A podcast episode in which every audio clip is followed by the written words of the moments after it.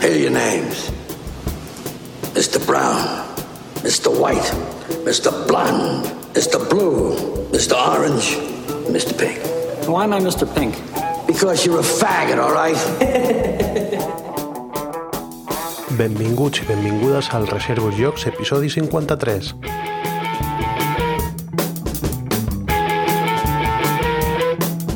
Us parla Miquel Jornet des d'un racó de Gavà i ja us presento aquest programa que tindrà dues vessants. Per una banda parlarem d'Ajudar Jugando 2015, les jornades solidàries que organitza la mateixa associació Ajudar Jugando, i per l'altra tindrem la primera taula rodona prèvia al DAU 2015, que és una taula rodona que es va organitzar a la llibreria Gigamesh i que tenia com a títol Tria la teva aventura 2.0.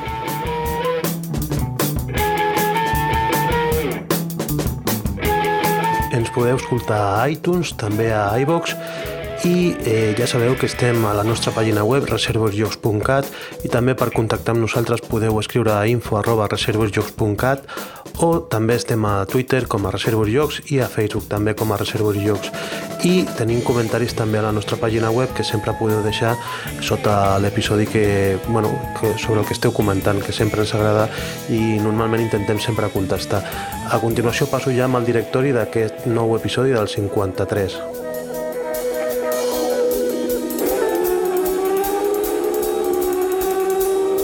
Ens vam deixar caure per les jornades Ayudar Jugando 2015 i dissabte vam jugar una miqueta, però diumenge ja vam anar a la subhasta i també vam fer unes quantes entrevistes, en concret 5 mini-entrevistes que són les següents. A partir del minut 5 podeu escoltar el Gurney del podcast Dies de Juego, que també es va veure per allà per les jornades i també és la nostra manera de fer cross-podcasting Després, al, al minut 11 i 10 segons, eh, podeu escoltar l'entrevista amb Xavi Socias, que és de Chip Films, aquesta gent que va amb una càmera i sempre van fent una mena de teatrets eh, gravats i, i bé, que en aquest cas, en Ayudar Jugando, eh, van fer una mini pel·lícula que després es va subhastar i bueno, aquesta va ser la seva aportació a, a la subhasta benèfica i va estar molt bé també.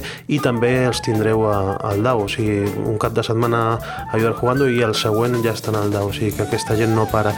Més tard, al, al minut 15 i 10 segons, parlem amb el Toni Serra de Sant Fer, ja sabeu, l'autor de molts jocs, entre ells el Victus, i justament parlem del Victus eh, amb ell perquè va ser un dels productes, eh, tot el procés creatiu de, del lloc amb els eh, mapes i tal, va ser un dels productes estrella de, de la subhasta benèfica d'aquest any i parlem sobretot d'això eh, seguim al, al minut 20 amb 25 i trobareu una veu que segurament us és familiar, que és la de, la de l'Urco, la del col·laborador del Reservoir Jocs, que també és eh, voluntari de, i soci d'Ajudar Jugando i aquell dia va, va anar sense nens i van anar ell i la Montse a donar un cop de mà i van estar a la ludoteca i l'Urco ens explica una mica com, com va funcionar eh, el tema d'explicar jocs i tal, que sempre és una tasca bueno, que és eh, sobretot el que, el que crida més l'atenció de la gent, no? poder anar allà i que t'expliquin un joc eh, aquesta gent que sap tant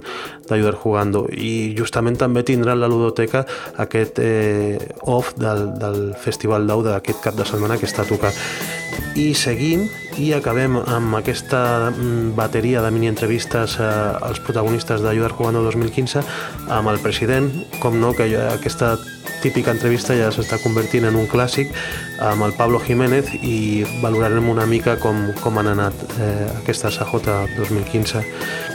Per acabar, al minut 29-15 teniu la taula rodona Tria la teva aventura 2.0 moderada per l'Anton Planells i amb la Tatiana Delgado, l'Ismael Ábalos, l'Antonio Catalán i el Xema Pamundi, que justament va ser nomenat membre honorífic d'Ajudar Jugando aquest, aquestes darreres jornades juntament amb el Xavi Garriga, responsable de Debir. Us deixem ja amb, amb tot el contingut i ens seguim escoltant.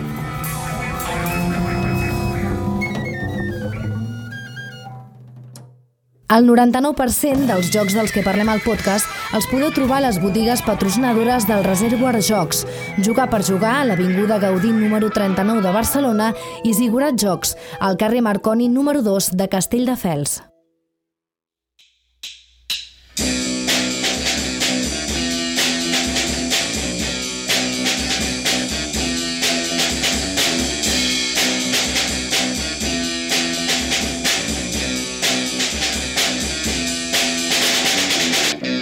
Estamos con Paco, con Gurney, ya lo conocéis de Días de Juego. Eh, es un habitual en ayudar jugando. ¿Qué tal, Paco? Hola, muy bien. Pues encantado de estar aquí, como siempre, en ayudar jugando. Jornadas suelo venir siempre que puedo y muy recomendables, vamos. ¿Qué es lo que te llama de, ayudar jugando para venir y hacer el esfuerzo? Porque tú también creo que eres miembro de la Asociación de Ayudar Jugando eh, eh, desde Madrid, ¿no? Sí, sí. Bueno, he descubierto que este año no he sido miembro. Yo creí que tenía dos a la cuota. Resulta que no, y ha habido un lío, pero bueno, sí, no, normalmente soy miembro de, de ayudar jugando y bueno, yo vengo fundamentalmente por dos razones. Primero porque son jornadas que ya de por sí merecen la pena, porque están muy bien organizadas, hay muy buen ambiente, mucha zona de juego. La subasta es una cosa también siempre muy, muy divertida. Y luego también por el carácter benéfico, que yo creo que le dan un carácter especial el buen ambiente que se respira en parte también por eso y hacen una labor digna de, ser reseñada, vamos. Eh, aparte de venir aquí con el micro en mano y los cascos, ahora te veo con los cascos puestos y tal, eh, aparte también has venido y has jugado a algo, ¿no? Sí, sí, no, este año me he propuesto jugar un poquito más, me he echado una partida a Chain Magnate, un juego así más durillo, pero que me está encantando, la verdad, llevo ya 4 o 5 y muy recomendable, si gustan los euros duros sesudos, está muy bien. Y luego, bueno, pues también he jugado jueguecillos de cartas, tal, he echado un rato con unos y con otros, vamos, ha cundido, este año ha cundido. Parece que seas el agente de Seiji Kanai porque el sitio que vas vas enseñando por ahí el Chronicle y además hay una nueva edición que han cambiado algunas cosillas, ¿no? Sí, no, yo es que el Chronicle lo recomiendo siempre, me parece con diferencia el mejor juego de Kanai y un juego de bazas espectacular. No, la sorpresa me la ha llevado porque he ido a una tienda con una amiga, se ha comprado el Chronicle y me he dado cuenta que en la edición esta, que es de 2014, han cambiado una pequeña reglita, han cambiado que ahora el descarte es visto y hay una carta para permitir robar el descarte, pero bueno, es un cambio mínimo, vamos, es el mismo juego. Y la verdad es que muy recomendable, juegazo. Se supone que para finales de este año iba a haber una reedición por parte de Zetaman, pues ya veremos. Estamos ahora esperando a que empiece la subasta. ¿Alguna cosa interesante que dices, hostia, pues si yo tuviese unos cuantos cientos de euros o lo que sea, igual intentaría ir a por esto? Hombre, Jolín, pues muchas cosas. En la subasta siempre hay dos tipos de artículos, digamos. Por un lado tienes lo típico de artículos firmados, cómics, novelas, juegos firmados por el autor, que a cualquier aficionado al género pues siempre le gusta tener. Pero luego tiene siempre ciertas cosas como prototipos originales con los que se desarrolló un juego y cosas así, que es una cosa que da un gustito especial. O láminas o dibujos originales de, los ilustradores, de los juegos. Yo creo que esas cosas son las que tienen un carácter especial. Quizá el carácter es más sentimental porque es una cosa difícil de valorar económicamente, pero es lo más especial, porque al final como un juego venga firmado o no, funciona igual, pero lo otro es distinto. Vamos. Yo he reconocido abiertamente que envidio el ambiente y cómo funcionan los clubs madrileños, que sin tener mucha ayuda pública funcionan y la gente se busca la vida, alquila locales y tal, pero igual allí en Madrid sí que estáis un poquito más faltos de, jornadas de este tipo, ¿no? Si quieres hacer una petición eh, en abierto, a ver si se enrollan pues eh, desde ayuntamientos y tal a, montar cositas así. No, desde luego. El, principal problema que tiene el tema de las jornadas es que es imposible hacerlas sin apoyo público, o muy difícil por lo menos. Entonces, bueno, en ciudades grandes es particularmente difícil. Aquí, bueno, Oriol Comas ha conseguido eh, convencer al Ayuntamiento de Barcelona y montar DAO después de un trabajo de años de picar piedra, pero bueno, en otras ciudades es muy difícil, es mucho más fácil en ciudades más pequeñas acceder a ayuda del ayuntamiento. En Madrid pues complicado, tenemos las Ludor Gosum que se hacen en Alcorcón, pegado a Madrid y que vienen a ser un poco las jornadas grandes de Madrid, pero sí, sí es cierto que a lo mejor nos harían falta unas jornadas más grandes. Sí hay una iniciativa, sin embargo, que me, que me encanta en Madrid, que son las Nómada Player, yo siempre lo menciono. Las Nómada Player son como el propio nombre son unas jornadas nómadas. Lo organiza una gente y cada semana o cada 15 días se acuerda un juego y un lugar. El lugar siempre es un club o una tienda o cualquier sitio y todo el mundo va a esa tienda a jugar ese juego. Al final de año pues es una liga, hay clasificaciones y demás es una cosa que, aparte de estar muy chula de por sí, fomenta mucho el conocer otros clubs, otras tiendas, otros puntos de reunión de juego, que no sé, eso deberíais exportarlo aquí también a, Barcelona para ganar más relación entre los clubs y demás. Yo también es otra cosa que envidio, las Nómada Players, pero es eso, que parece que la iniciativa privada como que en Madrid se mueve mucho más que, la iniciativa desde aquí con asociaciones y tal, que a veces también estamos un poco esperando a, a ver si recibimos una subvención o lo que sea. Es que también depende con qué intención lo montes. Si tú montas una asociación con intención de hacer unas jornadas, de hacer difusión, de hacer tal, pues muy probablemente necesitas un apoyo público. Eh, muchos clubs, por lo menos donde yo estoy, el dado, nacieron simplemente con la intención de tener un sitio para jugar. Nos juntamos mucha gente, pagamos el alquiler de un local y punto. Lo que pasa es que luego con el tiempo han surgido todas esas iniciativas. Se ha formado una ONG, por ejemplo, que ahora está ayudando mucho eh, a jugar en prisiones y en hospitales infantiles, etcétera. Hacemos también jornada de puertas abiertas, organizamos cosas temáticas. Con el tiempo ha ido surgiendo eh, estamos muchos bloggers, podcasters, autores de juegos, ilustradores. Eh, ha ido surgiendo con el tiempo, simplemente por el hecho de juntarnos, pues esta, esta vidilla cultural, digámoslo así, vamos. Y luego ya para acabar, ¿has descubierto algún juego que, que no conocías o algo así que, que digas, hostia, pues mira, descubrimiento de AJ 2015? Déjame que piense, la verdad es que he jugado un montón a la Bluxen, que ya lo conocía, pero es un juego que me encanta. Y, jolín, es que ahora que caigo creo que no juego ninguna novedad, es una pena. Pero bueno, pues mira, a ver si en lo que queda de tarde o algo puedo aprovechar para probar algo nuevo, porque es verdad, creo que no he probado nada nuevo. Yo tengo el de Kramer, el de cartas, el Pimal Ah, Fleumen. ¿que- que jugasteis al final? Sí, sí, lo hemos jugado y la verdad es que parece de bazas, pero luego es set collection y eh, está curioso. Como las cosas de- que hace Kramer, tampoco va a ser el juegazo de Kramer, pero bueno, a la gente que le gusta, pues eh, seguramente, y si lo quieres probar, pues mira, todavía queda un poco de, de jornada y igual le damos un tiento. Pues bueno, si podemos le damos un tiento. Yo sí, soy muy fan de los juegos de cartas, así que por mi parte, bien, bien. Pues bueno, muchas gracias Paco, Eh, que siga bien la jornada. Nada, hombre, a ti.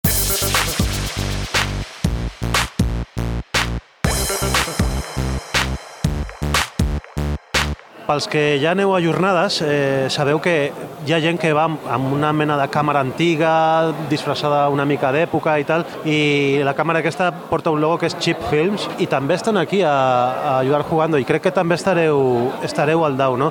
Ara parlem amb el Xavi Socias, que és eh, un dels membres d'aquí de Chip Films. Hola, què tal? Bueno, hem vingut bàsicament aquí a ajudar jugando a dinamitzar una mica tot l'esdeveniment, eh, recreant un rodatge cinematogràfic. Llavors eh, ens hem dedicat a anar, al igual que vam estar a jugar per jugar, per tots els espais, hem aprofitat els diferents espais que hi ha, ja sigui el bar, ja sigui la Ludo, ja sigui la botiga, etc, per recrear diferents escenes, a part d'anar dinamitzant les taules, anar vestint a la gent, anar mm, fent molt de soroll i fent una mica de show, bueno, acaba quedant un resultat audiovisual que queda com un record de l'esdeveniment.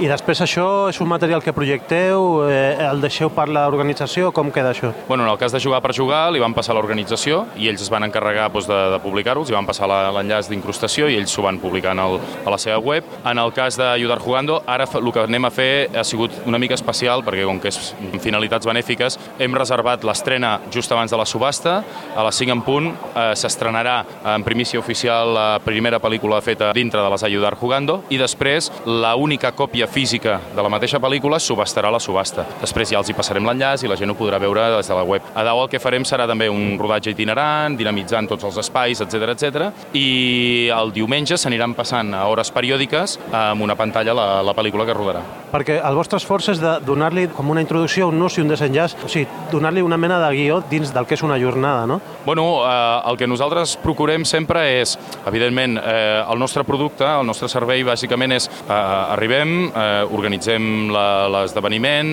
dinamitzem i ho rematem tot amb l'estrena. Això passa en totes les pel·lícules. El que passa és que el format que nosaltres tenim és molt dinàmic i ens permet fer-ho amb hores. Llavors, eh, ho articulem al voltant de les diferents jornades, en funció, evidentment, de les necessitats de l'organització, i tal com ho articulem, doncs els, els fem aquest- aquesta estructura que tu has comentat. En el cas d'avui, ens esperem a última hora. En el cas de Dau, com que hi ha tanta gent, ens esperarem a l'últim dia. Vull dir, organitzarem diferent, però sí, el gran final ve ser l'estrena. Són unes jornades que teniu la gent disfressada de, de Star Troopers, de la Guerra de les Galàxies, tot això. Com ho heu encabit en, en, una, en una pel·lícula? Us ha estat difícil o...? Bueno, no, de fet nosaltres ja portem el nostre tretzo propi, amb la qual el nostre guió que teníem previst, que en aquest cas hem rodat Dràcula, eh, l'hem gravat amb el nostre, amb el nostre tretzo. El que sí que eh, gràcies a la disposició de part de la gent de Star Troops, bueno, doncs hem, ens, hem, ens hem posat d'acord i en una de les escenes de Dràcula, en concret el vestíbul del castell Dràcula a Transilvània, apareixen els Stormtroopers eh, bueno, assegurant la zona abans de que arribi el conde Dràcula. Tot té cabuda amb Chip Films, no? Chip Films és la festa del cine. Mentre hi hagi ganes, disposició i una mica de creativitat, fem el que faci falta. I on pot anar la gent a veure els vostres treballs, el que heu fet de, de, fins ara?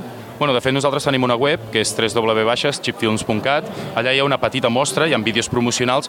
Normalment, la, el que són els, eh, nostres, els nostres treballs van en privat, si són empreses privades, etc que tenen el seu, el seu propi codi i el seu propi password per poder accedir a, al seu treball. No són públics, no estan a YouTube, eh, perquè jo entenc que a vegades, doncs, bueno, si tu fas un esdeveniment, en aquest cas és públic, estarà a YouTube, però si fas un esdeveniment privat o ets una empresa que fas un team building, no tens per què penjar-ho de manera que ho pugui veure mm, qualsevol persona persona. Llavors, en funció del client, es destina amb un enllaç obert o tancat. Llavors, normalment, si entren a chipfilms.cat, allà podran veure una petita mostra del que fem. Doncs perfecte, eh, esperem a l'estrena i com es diu al teatre i no sé si al cinema també, molta merda. Bueno, eh, de fet, com que nosaltres el que fem és teatre i fent teatre fem cine, eh, t'ho agraeixo molt i vamos allà que ens estan cridant. Gràcies. Ara aquí amb el Toni Serra Sanfer, que ja el coneixeu vosaltres, justament ha acabat la subhasta i eh, bueno, el preu del Victus amb tot el material extra que ara explicarà ha assolit el, el màxim d'aquest any, d'Ajudar Jugando 2015. Com ha anat això? Doncs molt emocionant. S'ha arribat a, a una xifra, a més a més, que ha costat molt trencar perquè han ofert 714 euros i, clar, mm, a veure qui trenca aquesta xifra maca que té a veure amb el joc, no? Llavors, bueno, ha sigut una lluita molt intensa, molt llarga, molt, molt emocionant i, a més a més, molt content per la persona que s'ho ha portat. La lluita ha estat més, més o menys entre el Vasco i la Meri. Al final, qui ha guanyat? La Mary, la Mary, la, la gran col·leccionista catalana de protos.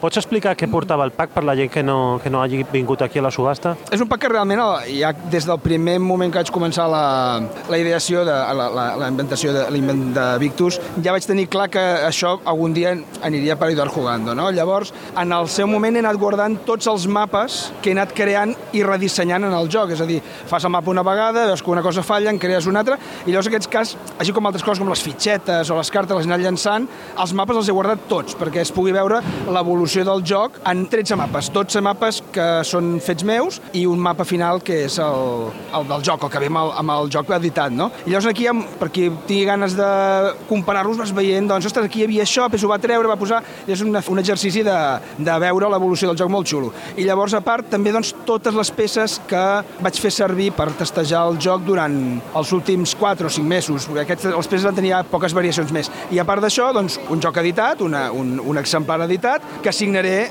personalitzat en a, a la Mary. Sí, però entre aquests mapes també fins i tot teniu gargots d'haver arreglat algunes coses durant el testeig, no? I tot això manuscrit, vull dir. Sí, sí el, el que està més guixat i de llarg és el primer mapa que ja incorpora la, les zones en comptes dels punts que jo havia treballat. És a dir, és el primer mapa que va dibuixar el Jordi Roca. Llavors, aquell mapa jo vaig repassar casella per casella comparant-ho amb els mapes anteriors i està ple de guixots, de, que es veuen desviant els errors, coses que s'havien de canviar i bueno, és el que està més, més, més guixat. I el menys jugat a la vegada, eh? vull dir, és el que menys partides s'hi han fet, però també és el que més s'ha treballat i es veu la feina que té l'autor de repassar el material que fa el dissenyador gràfic per veure que s'adapti tot el joc. Toni, ho pots reconèixer?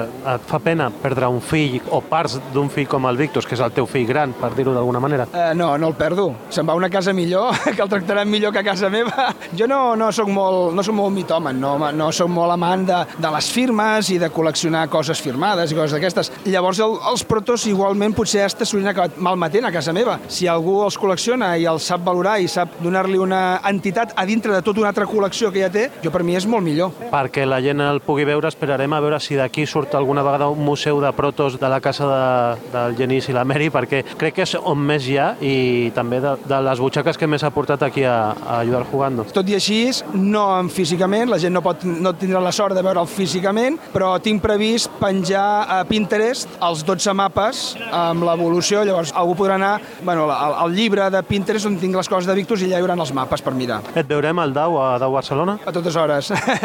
Dau és ineludible. I després el Victus, que està funcionant bé, que la gent ja fa bones crítiques, que com a lloc dur i tal, t'agradaria veure el...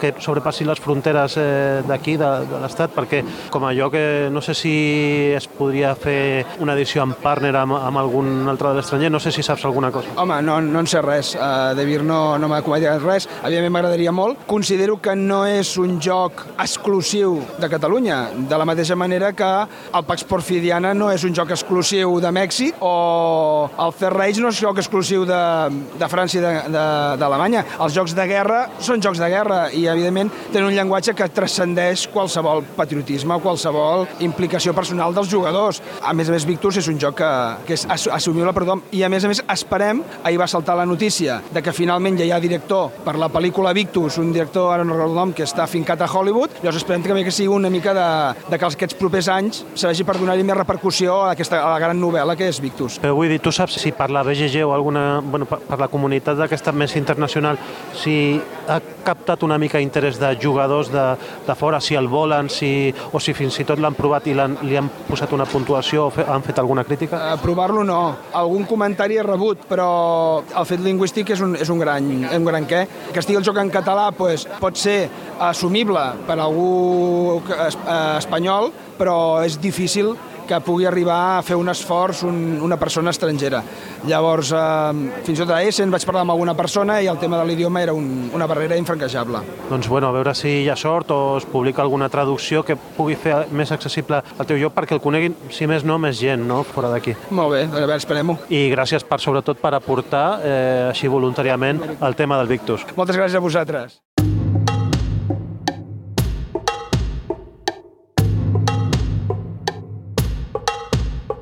Estem amb l'Urco, que ja el coneixeu, que és col·laborador del Reservoir Jocs, que també és eh, soci i voluntari d'Ajudar Jugando. Aquest any ha vingut a ajudar. I bé, quina ha estat la teva tasca aquí a aquestes jornades del 2015? A veure, nosaltres estem a la part de la ludoteca, perquè és la que ens agrada. Nosaltres disfrutem com a bojos explicant jocs i som els encarregats de quan algú s'apropa al mostrador, li fem un carnet on pot els jocs i per un euro, llavors el pot tornar o el pot donar. El 95% de la gent acaba donant l'euro i és un mitjà més de recaptació i expliquem els jocs per les taules intentant aconsellar pues, si venen amb nens un joc infantil, si ve gent gran que ha jugat a coses, un joc que no coneguin, intentem una mica allò fidelitzar-los. Del que has tret a taula, eh, per la gent que t'han demanat coses dures, coses familiars... Pues avui ha sigut variadíssim. He començat el dia explicant un animal sobre animal, que és un joc infantil per gent de 5 anys d'AVA, he continuat amb un caverna, he passat per la resistència, he explicat una agrícola, o sigui, la varietat de gent que ve a ajudar jugando cada cop és més gran i cada cop més famílies amb nens, que és una cosa que abans no passava tant. I tu has notat aquella mirada de conversió de, de que és, és la primera vegada que provo un joc,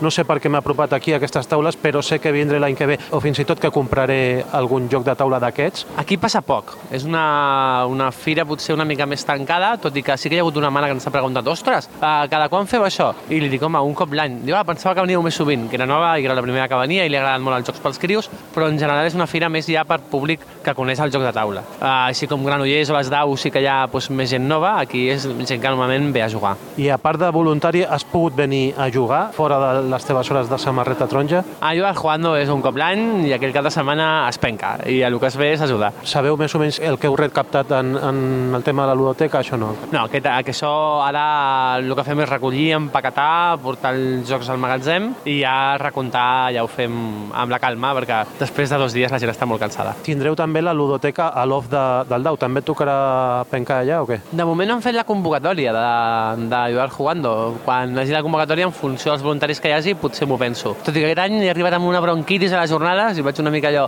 oh, curtet de veu. I que ets pare també i que també tens altres, eh, altres que fes, no? I tant, i tant. Ara anem ràpid i a recollir els nens que el tenen els avis i ja deuen estar tocant campana. Doncs moltes gràcies, Urco, ens veiem. Gràcies, Miqui, ens veiem.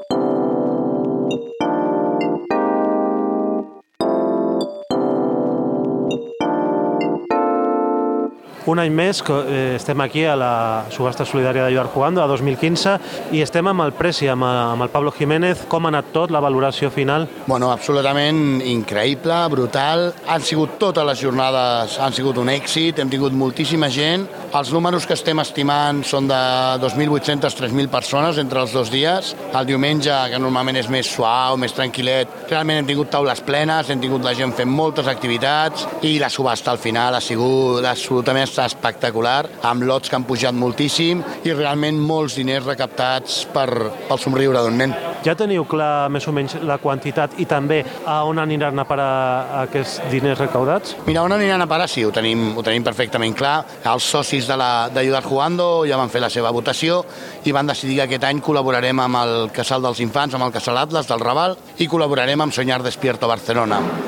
La quantitat, ara mateix estic tan marejat per la quantitat de números, de treball, de gent, de, de coses que hem fet, que no m'atreviria a donar-te uns números. Jo sé que segurament passaran dels 14.000 euros que vam fer l'any passat, em semblen ser 14.400. Jo estic convençut que aquest any passarem d'aquests 14.400, però no m'atreveixo encara a donar una xifra perquè és molt aviat. Vosaltres heu passat en diferents edicions per altres jocs, el Casinet d'Ostafrancs, tal. Al final, Cotxeres de Sants és el millor lloc per fer Ajudar Jugando? Mira, ara mateix aquí a Barcelona nosaltres considerem que és el millor lloc, Cotxeres de Sants. Aviam, podríem intentar agafar alguna cosa més gran, ja ens hauríem d'anar d'anar a Fira de Barcelona i agafar un parau com si fóssim el Saló del Còmic, cosa que no som, i que evidentment ens comportaria molta més feina, molta més despeses, i al cap a la fi el que volem són unes jornades molt familiars, eh, molt a prop, que ens permetin seguir xerrant. Ara mira, tinc aquí al costat una de les meves alumnes que ha vingut avui i el que volem és això, estar amb la gent i al mateix temps que siguin prou grans com per poder funcionar i fer totes les activitats. I Cotxeres és ideal per això. Sembla que altres festivals o fires us respecten la data, o sigui que no us contraprogramen i fins i tot vosaltres després la ludoteca vostra per fi va cap a l'off del DAU. Com arribeu? Arribeu a tot això amb la feina? També quin és el respecte aquest que us heu guanyat per altres festivals, fires i tot això? Mira, bàsicament, eh, jo crec que és una qüestió de que la gent cada vegada més se n'adona compte de que Ayudar Cuando no és un club, Ayudar Cuando és una associació solidària i que tot allò que fem va destinat a aconseguir coses pels nens. Llavors, cada vegada més la gent entén això i vol ajudar-nos i realment els hi estem molt agraïts. Llavors, cada vegada portem la ludoteca o que ajudem, sempre hi ha una donació, sempre hi ha una ajuda.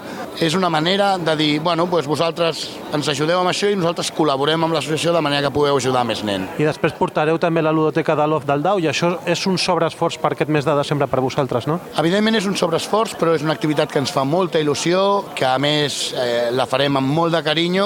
De fet, ara, quan estan ja recollint la biblioteca, ja estan seleccionant les caixes que aniran després a l'OF, per ja tenir-ho tot preparat, perquè ens queden res, 5 dies i ja hi estem allà. I sempre parlem de la pasta, a veure si s'ha fet més pasta que l'any passat, però també un número important és saber si teniu més voluntaris de, que l'any passat, perquè cada, cada any que vinc veig més samarretes taronges. Això és veritat? Eh, augmenten els socis? Correcte, han augmentat els socis significativament, especialment al llarg d'aquest any. Tenim cada vegada més voluntaris i fins i tot, doncs, bueno, jo, jo soc mestre, he tingut la sort de comptar amb tres o quatre alumnes durant aquests dies que han vingut també doncs, a l'escola a ajudar-nos i gent doncs, bueno, que cada vegada més s'apropa i ens diu en què us puc donar un cop de mà i estan aquí amb nosaltres. I la veritat és que sense ells això no seria possible. Doncs eh, ja sabeu que us podeu fer socis o també voluntaris d'Ajudar Jugando i moltes gràcies Pablo un any més i sobretot per l'esforç que feu aquest inici del desembre. Moltíssimes gràcies a tots vosaltres i espero veure-us l'any que ve.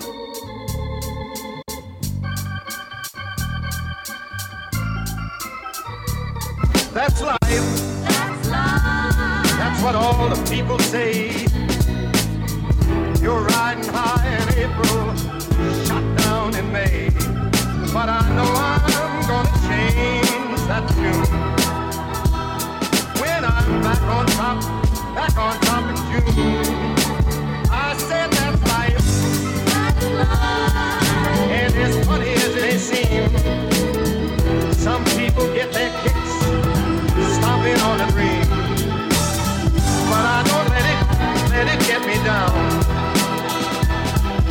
This fine old world, it keeps spinning around. I've been a puppet, a pauper, a pirate, a poet, a pawn and a king. I've been up and down and over and out. And I know one thing, each time I find myself flat on my face, I pick myself up and get back in the race. That's life. I tell you, I can't deny it. I thought of quitting, baby, but my heart just ain't gonna buy it. And if I didn't think it was worth one single try, I'd jump right on a big bird and then I'd fly. I've been a puppet, a pauper, a pirate, a poet, a pawn and a king. I've been up and down and over and out. And I know one thing.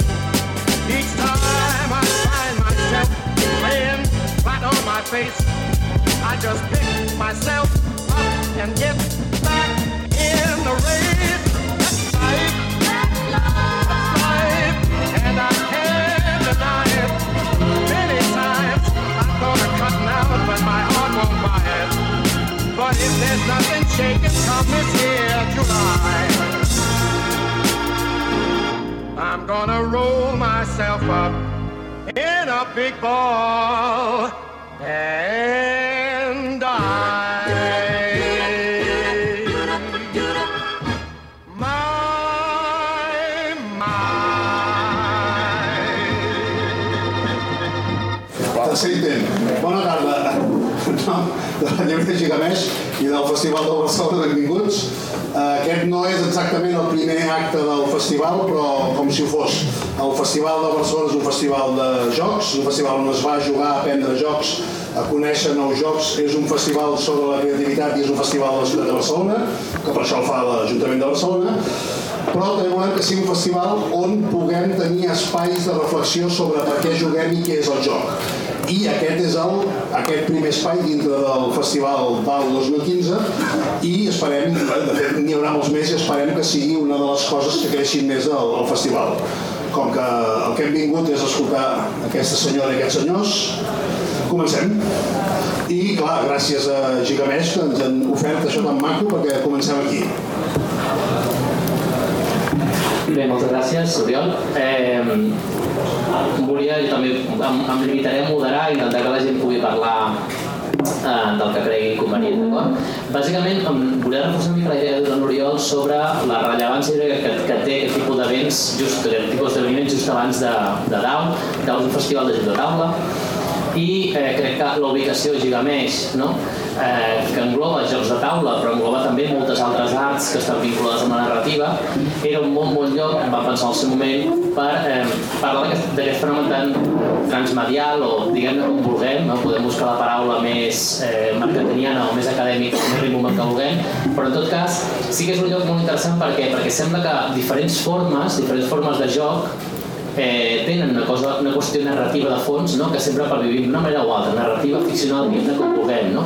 Sembla ser que sempre hem donat més pes, i aquí potser el món acadèmic també tenim una part de culpa important, més pes a la literatura, més pes al cinema i a la televisió en quant a temes narratius, no? però potser, i aquesta és la primera reflexió que a mi m'agradaria plantejar una mica obertament a, a, abans del DAO, no? Què passa amb el tema de narrativa i la ficció amb gèneres tan rellevants com el joc de taula, el joc de cartes, el joc de rol, el rol en viu, els videojocs i els videojocs, no? que són formats, són suports, són indústries que també viuen eh, i potencien cada cop més aquest tipus de, de lògiques internes no? dels mons de ficció. Bé, fins aquí el meu rotllo academicista. Jo no vinc a parlar avui, no vull parlar, vull que parli més i eh, és un gran honor fer una, una breu ressenya de la gent que tenim aquí en aquesta taula perquè són gent, jo crec que bastant o molt reconeguda en el sector professional, amb una enorme experiència i que justament aquí està la gràcia no? de veure com ells poden parlar del seu sector. No? Bé, des de l'extrem tenim a Antoni Catalán, que imagino que tots el coneixereu, és eh, bueno, posarem una paraula de rimbombant, senior graphic designer a David, és, és freelance però treballa a, David, porta una trajectòria espectacular des de l'època de Borràs, no hi ha tant. Factor Games, més de 150 jocs adaptats eh, i és autor, com sabem, d'alguns jocs també de referència com eh, Capitana Triste, Espanya 1936, el redisseny de la fuga de Colditz o Aguila Roja, entre altres. Bé, doncs eh, en Jonathan Megatron és un gran expert i ens pot donar molt bona perspectiva, penso jo, sobre les narratives o les ficcions eh, en, en tema de jocs de taula, potser, potser, potser. el debat Eurogames també traix, potser, entre altres temes, però vaja, crec que és molt interessant, no? Bé, el següent convidat és en Xema Pamundi, que jo crec que presentar-lo eh, és, em sembla molt difícil. jo vaig conèixer l'any passat a Ayudar Jugando, un altre event, un altre esdeveniment que crec que és important destacar aquí a l'àmbit de DAO, no? també estem tots convidats a anar-hi a, i a participar en la solidaritat d'Ayudar Jugando. Jo vaig conèixer Ayudar Jugando amb truita de patates i calçotets, no? com feia la, la subhasta.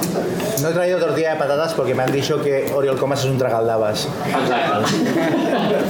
El que volia fer era senzillament llegir la presentació que he demanat que ells m'enviessin, que crec que és un text que denota una miqueta el, la personalitat de la persona que estem tractant. ¿no? Seba Famundi es un auténtico hombre del Renacimiento, dibujante, aventurero, espía, cantante de cabaret. Combatió en Waterloo, en Normandía y la batalla de Yavin. En los momentos de solaz, entre esos conflictos, publicó el juego de rol épico decadente Fan Hunter, que alcanzó lo que los críticos de la época calificaron como un éxito de todo absurdo. Actualmente trabaja como traductor en Games Workshop y escribe sobre juegos, cine fantástico, consoladores y demás expresiones subculturales. Bé, aquesta és la presentació, jo crec que amb això n'hi haurà, hi haurà suficient i... Un marxar ja. Uh, Esto no lo supera nadie. Esto no lo supera I, I bé, per suposat, l'interès és que el Gemma ens pugui donar una seva visió sobre els jocs de rol i uh, fenòmens similars. Bé, al costat del Gemma tenim uh, l'Ismael Ábalos, Ell és graduat en Humanitats, gestió cultural, eh, especialitzat en polítiques de la joventut, és també de la societat Tolkien espanyola, sí que de fet parlem de Juego de Tronos, que és un clàssic que sempre es pregunta a la gent de la Tolkien. El nou Tolkien. El nou Tolkien. Eh, ha estat codirector i és codirector dels cursos de l'FP, eh, perdó, de, de la Pompeu Fabra de literatura en Tolkien, coorganitzador d'ISPACOM 2014 i l'ESMIRCOM, i eh, conductor del programa de ràdio podcast del Voló de Fènix i crec que ens pot donar una visió molt interessant d'un nou fenomen que és el librojuego, no? aquesta, aquesta, aquesta, aquesta renaixença d'un gènere que semblava una miqueta perdut però que sembla que torna amb força. I finalment, la dona de la taula, Tatiana Delgado, és eh, una persona que porta 14 anys en el sector del videojoc. Jo crec que és possiblement el sector dintre d'Espanya és la, la dona referent en, en disseny de videojocs ha estat a diferents empreses, les cito les més rellevants, Rebel Act Studios, Enigma Software Productions, Thinkia, Tequila Awards, Loft o actualment està King, tots el coneixem tots per Candy Crush, possiblement, no? és el més conegut. Ha fet jocs per PC, Xbox, la Wii, la DS, la PSP i els mòbils, i jocs rellevants, World Leaders Clash of Nations, Hello Pocoyo, Pocoyo Racing, Lost Mana, Hispania el Juego, Deadlight i Gods of Rome. Uh, també ha fet un joc de realitat augmentada, el qual també ens interessa que potser es parli d'aquest tema. Uh, parla les Olimpiades de Beijing de l'any 2008 amb, amb Jane McGonigal i a més a més, com, i aquesta és una part molt interessant que em sembla que també té molt, té molt a dir ella aquí, eh, ella té una enorme experiència en jocs de rol i jocs de rol, sobretot jocs de rol en viu. Mm? Ella ha fet eh, des de l'any 98 moltíssims jocs de rol en viu i ha fundat clubs de rol, que també, també em consta, i ha fet jocs des de 12 persones fins a 100 persones, és a dir, que també ens pot parlar bastant d'aquest àmbit. D'acord? Bé, dit això, presentats ja els, els membres de la taula, a mi m'agradaria plantejar una primera pregunta, mm? i a mi em responeu el que vosaltres creieu.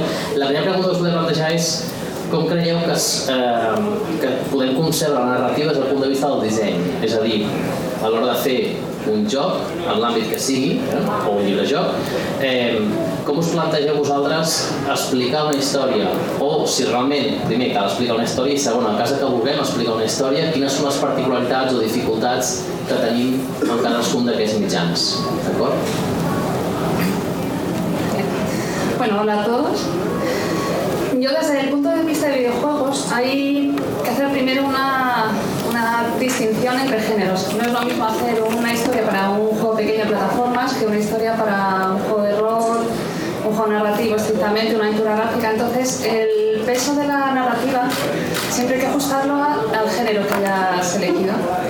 A la hora de, integrar la narrativa, eh, es muy importante tenerla desde el primer punto, desde el comienzo del juego. en, ese esa primera fase que va a definir el concepto, ya tienes que tener claro la historia. ¿Por qué? Porque te va a ayudar, por un lado, a definir eh, todos los entornos que tienes, los personajes, te va a ayudar a la historia, el setting. Y eso va a ayudar a que tú, puedas, como diseñador de juego, puedas comunicar esa idea al resto de los integrantes del equipo. De ahí, una vez que se vaya desarrollando el juego poco a poco, la historia tiene que estar muy presente porque tienes que desarrollar. Es un error, mucha gente la, la deja a lo mejor para el final y eso es un error porque todo el ritmo del juego se puede romper. El gameplay va a ir por un lado y la historia va a llevar unos arcos diferentes. Entonces, es muy importante que siempre estos arcos narrativos estén de acuerdo con, la, con lo que es el gameplay. ¿Qué más? Luego, España, por ejemplo, lo que es el guionista de videojuegos suele estar muy estrechamente relacionado con el game designer. Hay empresas que se pueden permitir tener un, escritor o guionista específicamente para ese puesto, pero lo, normal es que sea el propio game designer el que vaya a definir esa historia. Y no sé cómo... ¿Vale? Bueno, yo en el tema de, los librojuegos, en, julio, en las FANCO, en las jornadas de ahí, se me pidió hacer una charla y dije, voy a investigar esto de los, de los librojuegos, coge tu propia aventura, que yo en mi, infancia pues ibas ahí a la biblioteca, estaban y saltabas de página en página. Y eso me llevó a hablar de la, de la no linealidad en la narrativa, ¿no? Entonces cuando tenemos una novela, estamos acostumbradísimos al, al, esquema clásico de inicio, nudo y desenlace y al, no interaccionar. ¿no? En cambio, el primer juego que podemos aplicar dentro de la, de la, narrativa sería violar esas reglas, saltarlas y empezar a hacer cosas con, con esa estructura. Eh, entonces, investigando por ahí me di cuenta que, las dos partes que tengo aquí, en el centro y parece que... Pero en realidad eh, veremos que en, la creación de los libros juegos tuvo mucho que ver el mundo de los juegos de rol con la creación del propio Dungeons and Dragons y los Wargames y después también el desarrollo de los primeros videojuegos textuales en, entonces ahí se empezó a ver que, la, narrativa podría ir por otro lado, ¿no? Eh, au- aunque hay, hay experimentos llaman literarios, donde ahora puede pensar Tortartas, Borges, el Ulipú en Francia y o sea, nos iríamos al mundo muy académico, no me quiero ir por ahí, que es muy, es muy espeso, pero lo primero que podemos pensar cuando queremos jugar con una narración es eso, es fragmentarla, hacerla, hacerla trocitos y ver si volviendo a mezclar eso nos sale otra historia distinta o nos sale la misma o funciona o no. Y eso es lo que nos gustaba cuando escoge tu propia aventura entonces decías, ah, he visto un fin, pero hay 50 fines más, ¿cuántos fines puede tener esto? ¿no? Y en el mundo del videojuego es jugar casi al infinito, ¿no? La máquina tiene suficiente poder para, para generar la sensación de, de- de setting inmenso, ¿no? Entonces yo creo que la, la clave en la narrativa está en, la narrativa no lineal, en cómo lo que tú ves es una hiperficción, que normalmente es explorativa, porque en los libros de Escoge tu propia aventura, tú lo único que haces es ir explorando los distintos finales que pueden haber, tú no intervienes, pero después aquí cuando Chema nos hable de los juegos de rol, ahí sí que interviene el, el, el jugador. Interviene tanto que a veces el máster tiene que estirar de los pelos y decir, ¿dónde se han ido estos? ¿no? Yo quería que estuvieran en... Y yo creo que esa es la clave. Cuando hablamos de grados de, linealidad de la, de la trama, es cuando vamos a ir basculando entre lo que es un libro-juego, que después también están los librojuegos digitales, que es donde empieza el videojuego, donde acaba... Esto sería una pregunta para después. Y después, mm, ¿dónde empieza también el, el juego de rol como lo entendemos que se explica una historia? Que también vienen los roles en vivo. Sin Braunstein no, no se entiende Dungeons and Dragons. Entonces estamos ahí en ese punto. Yo creo que no deja de ser un, desde la parte literaria, un experimento de ir probando objetos y hay objetos que después funcionan más y gustan más a la gente y hay otros que, que no son más de artificio, más académicos y se alejan más de, de una relación lúdica, ¿no? No, yo lo que ha dicho él. No, a ver, yo no- exactamente no sé qué hacemos aquí.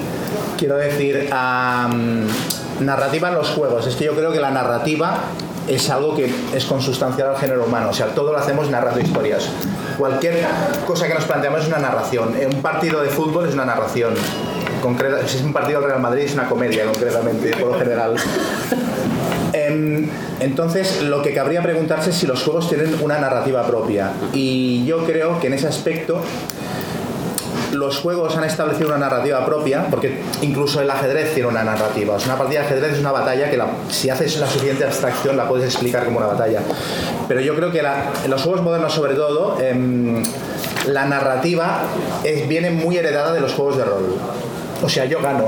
Es decir, los juegos de rol son los que em, de alguna manera han aportado una manera de jugar haciendo, em, convirtiendo el juego en una historia.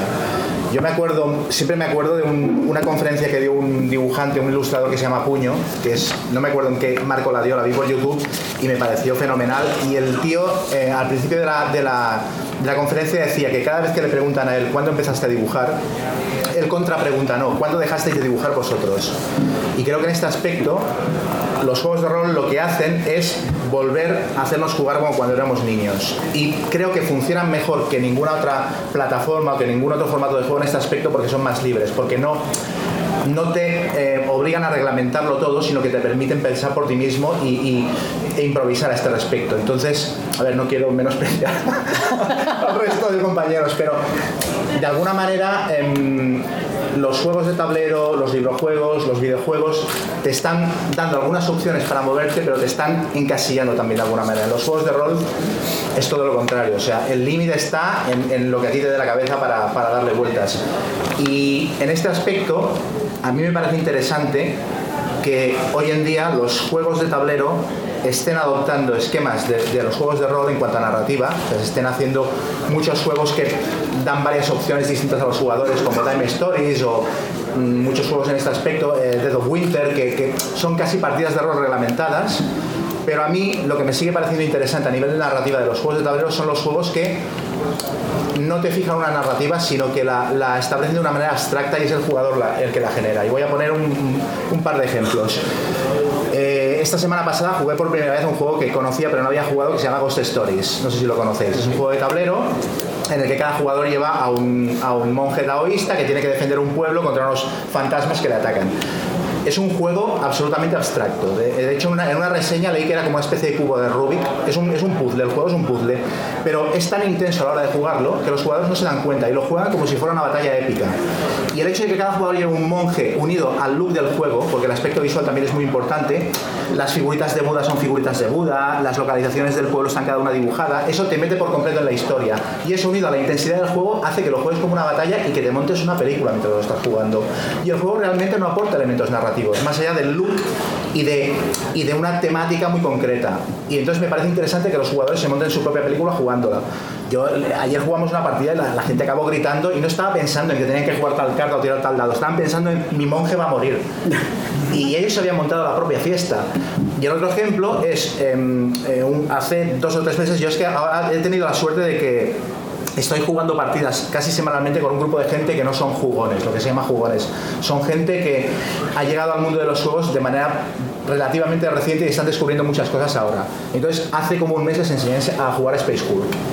Y yo simplemente les enseñé las reglas del juego. Bueno, pues a la media hora había un, jugador, el que menos experiencia tenía, había decidido que el marine que él llevaba se llamaba Johnson y era de Alabama. Lo decidió él de motu propio. O sea, de repente en el universo de Warhammer 40.000 había un, un exterminador de los ángeles sangrientos que era Johnson y era de Alabama. Y el tío se montó una historia, al, al cabo de tres turnos el marine ya tenía familia y tenía que volver a casa porque su mujer la estaba esperando y sus dos niños y tal.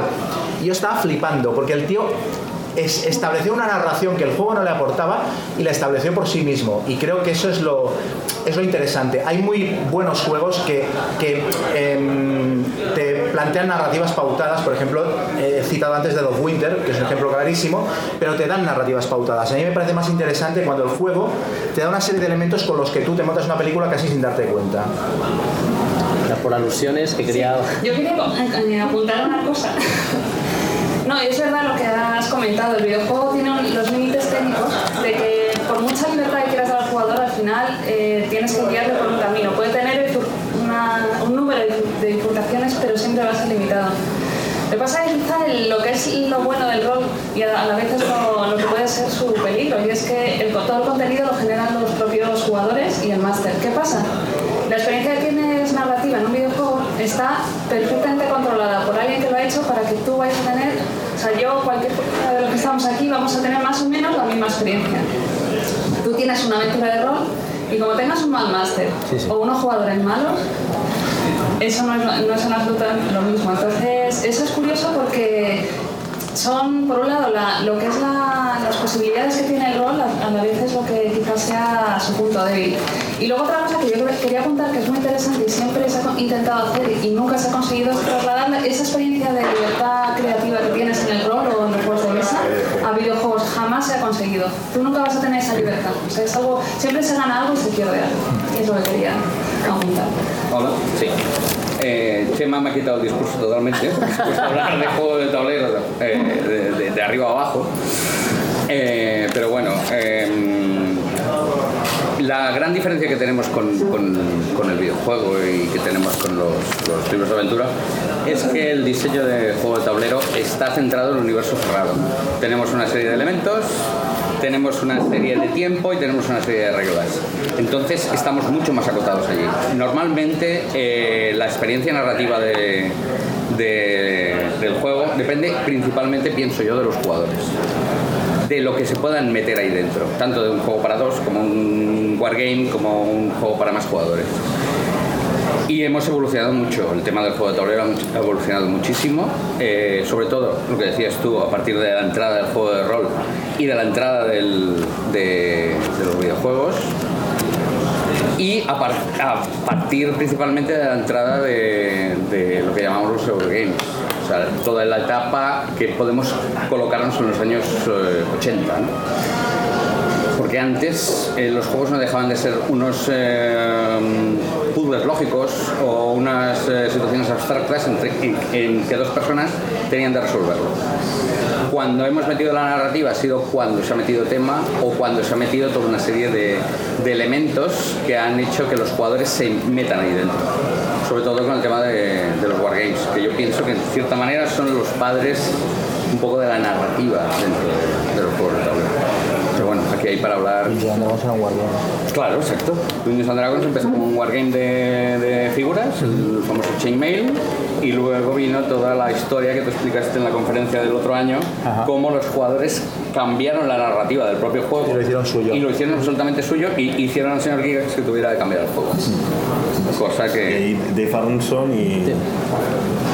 El Dave Arneson y toda la entrada de Brownstein, que empezaron a jugar reps en vivo y entonces se dan cuenta que tienen que meter ahí más, más, más chicha y empiezan a decir, es importante saber eh, quién era ese líder o por qué este jefe es el jefe de la unidad de- y ahí empiezan a, a esa fractura. Claro, no, no, ahí está la factura, igual que la, la fractura que hubo en el mundo de los, de, de los Eurogames, que yo a veces la- eh, pienso que, que la, la fractura vino cuando empezaron a meter temáticas y cuando empezaron a meterle mm, historia detrás. Luego ya hemos ido eh, evolucionando y ya hemos metido otra serie de cosas, ya lo hemos ido complicando.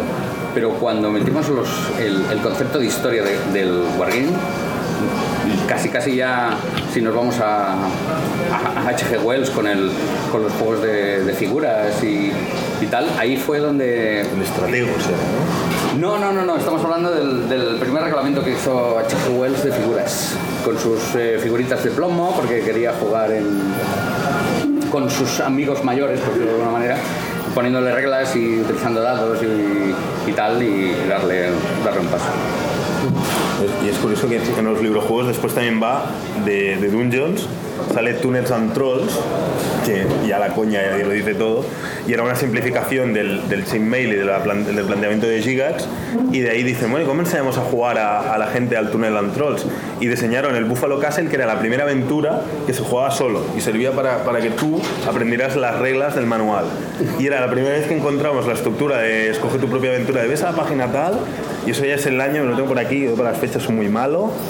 Os lo digo en el 76, hablamos que los, los, los tu propia aventura son de los 80. O sea, todo el, el- entramado creativo que se genera a partir de Dungeons y del mercado americano eclosiona ya antes de los 80 en, este, en, este, en estos productos que después copian llamada de Tulu y otros juegos de, de rol tendrán después aventuras en solitario. De ahí al mundo de los videojuegos a digitalizar esa experiencia lo único que hacía falta era el, hardware, ¿no? Estaba la idea, estaba el Zeitgeist, pero no estaba el... Ha- Había una serie de juegos, me acuerdo de los años 80, que eran, eh, se editaban en un formato muy pequeño, en, en formato de INA5, que eran eh, precisamente eso, o sea, eran casi casi elige tu propia aventura, pero eh, había el componente dado, había el componente explorar y el componente de decisión. Y no me acuerdo exactamente. Los, los lucha ficción deben ser. Pero es que había varias líneas. No, pero te estoy hablando de, de- de- de finales eh, en los 80. Bueno, es igual, ya, ya me acordaré, ya me vendrá a la, a la memoria. Bueno, os quería preguntar, a partir de esta primera ronda, digamos, un poco aclaradora, eh, después de que Chema dejara claro que ya nos podemos ir todos a casa porque el rol ya, ya, ya nos ha conquistado. Ahora, sí, sí, uy.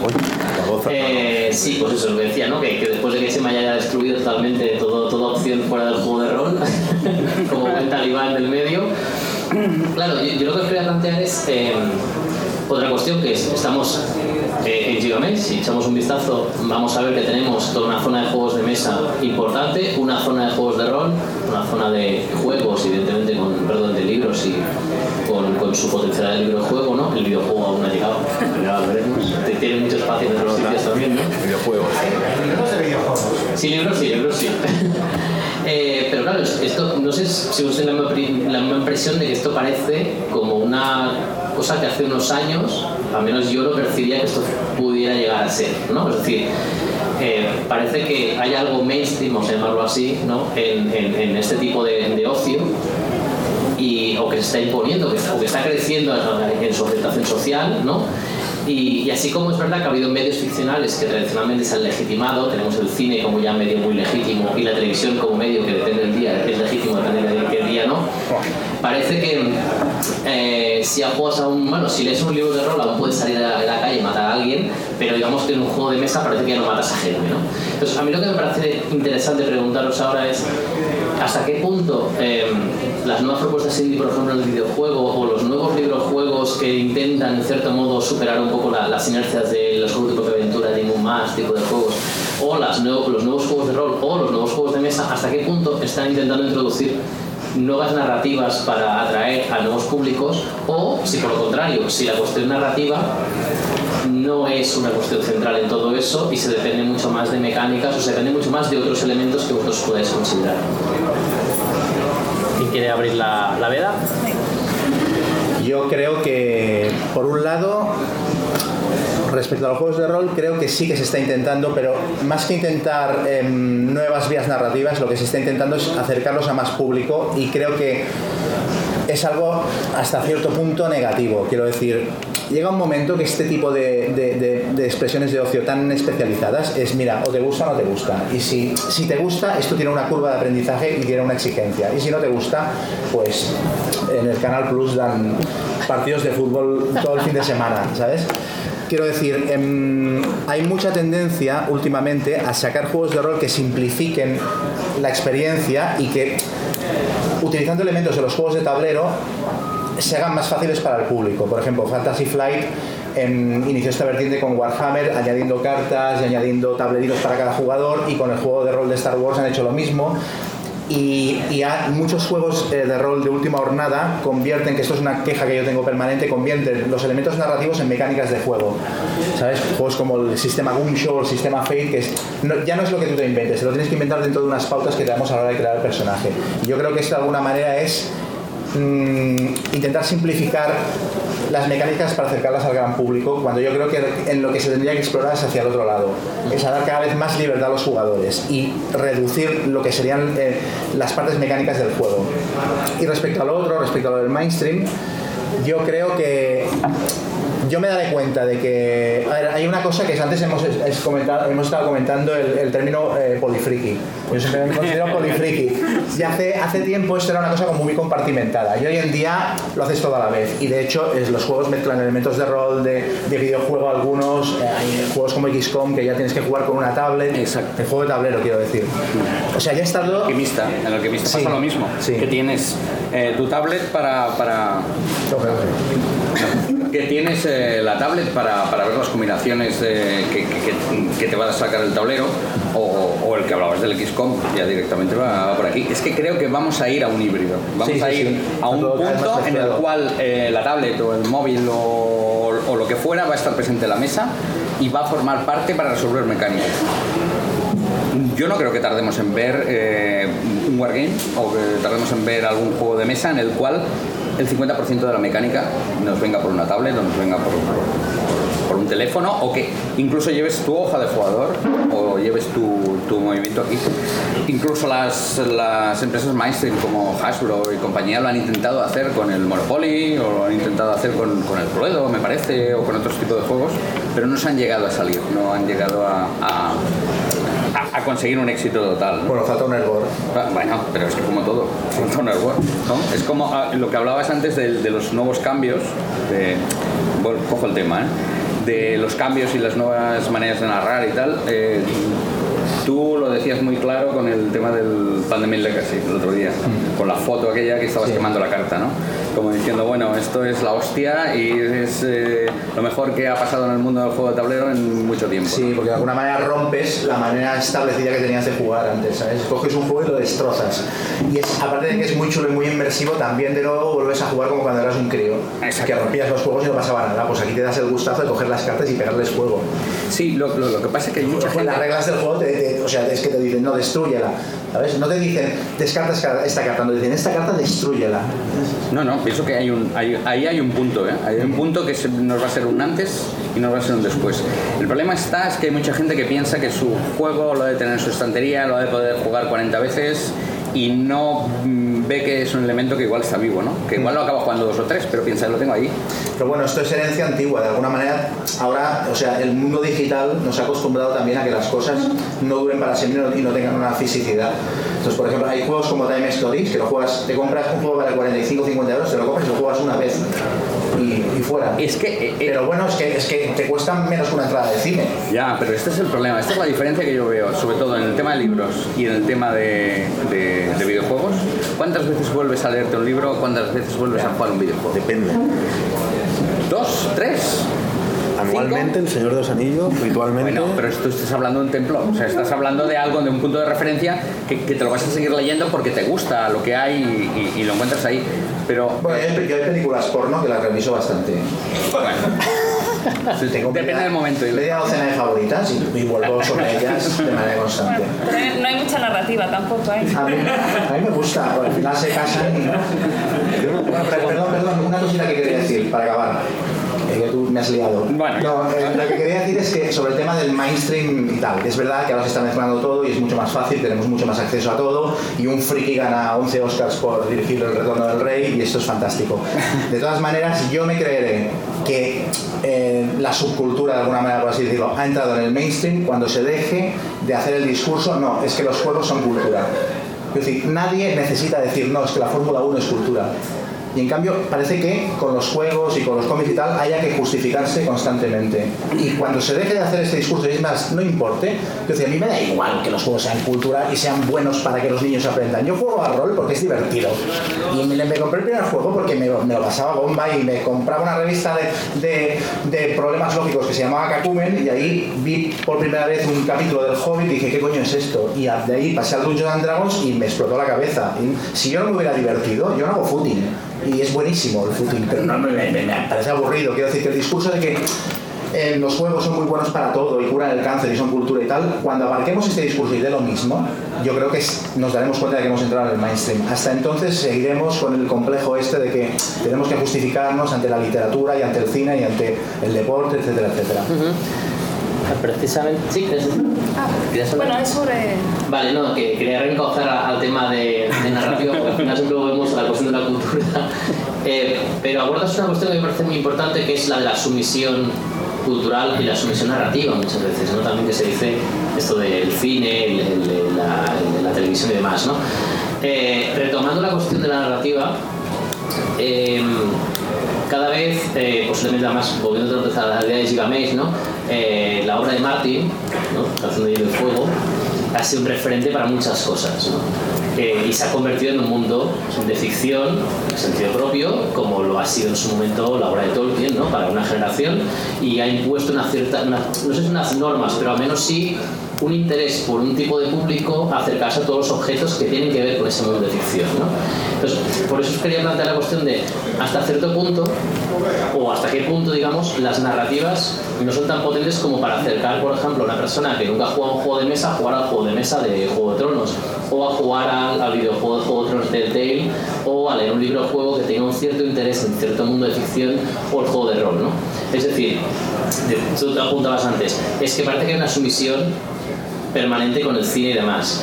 Eh, ¿Hasta qué punto eh, estas narrativas que están intentando adaptar los videojuegos son útiles para el videojuego, para el videojuego, para el juego en general como experiencia lúdica? No estamos hablando de modelo de negocio, estamos hablando de diseño, como experiencia lúdica. Y por otro lado, ¿hasta qué punto el juego sigue dependiendo de formas narrativas heredadas, como es el caso, eh, aquí creo que el videojuego tiene mucho que decir, como es el caso del cine o es el caso incluso de la literatura, ¿no? Hasta qué punto el juego en sí mismo le está costando o no, ha encontrado su propia forma de contar narrativas. Si quieres empezamos por ti que te mencionaba así un poco. Sí, no, es que quería apuntar... Sí, sí, sí.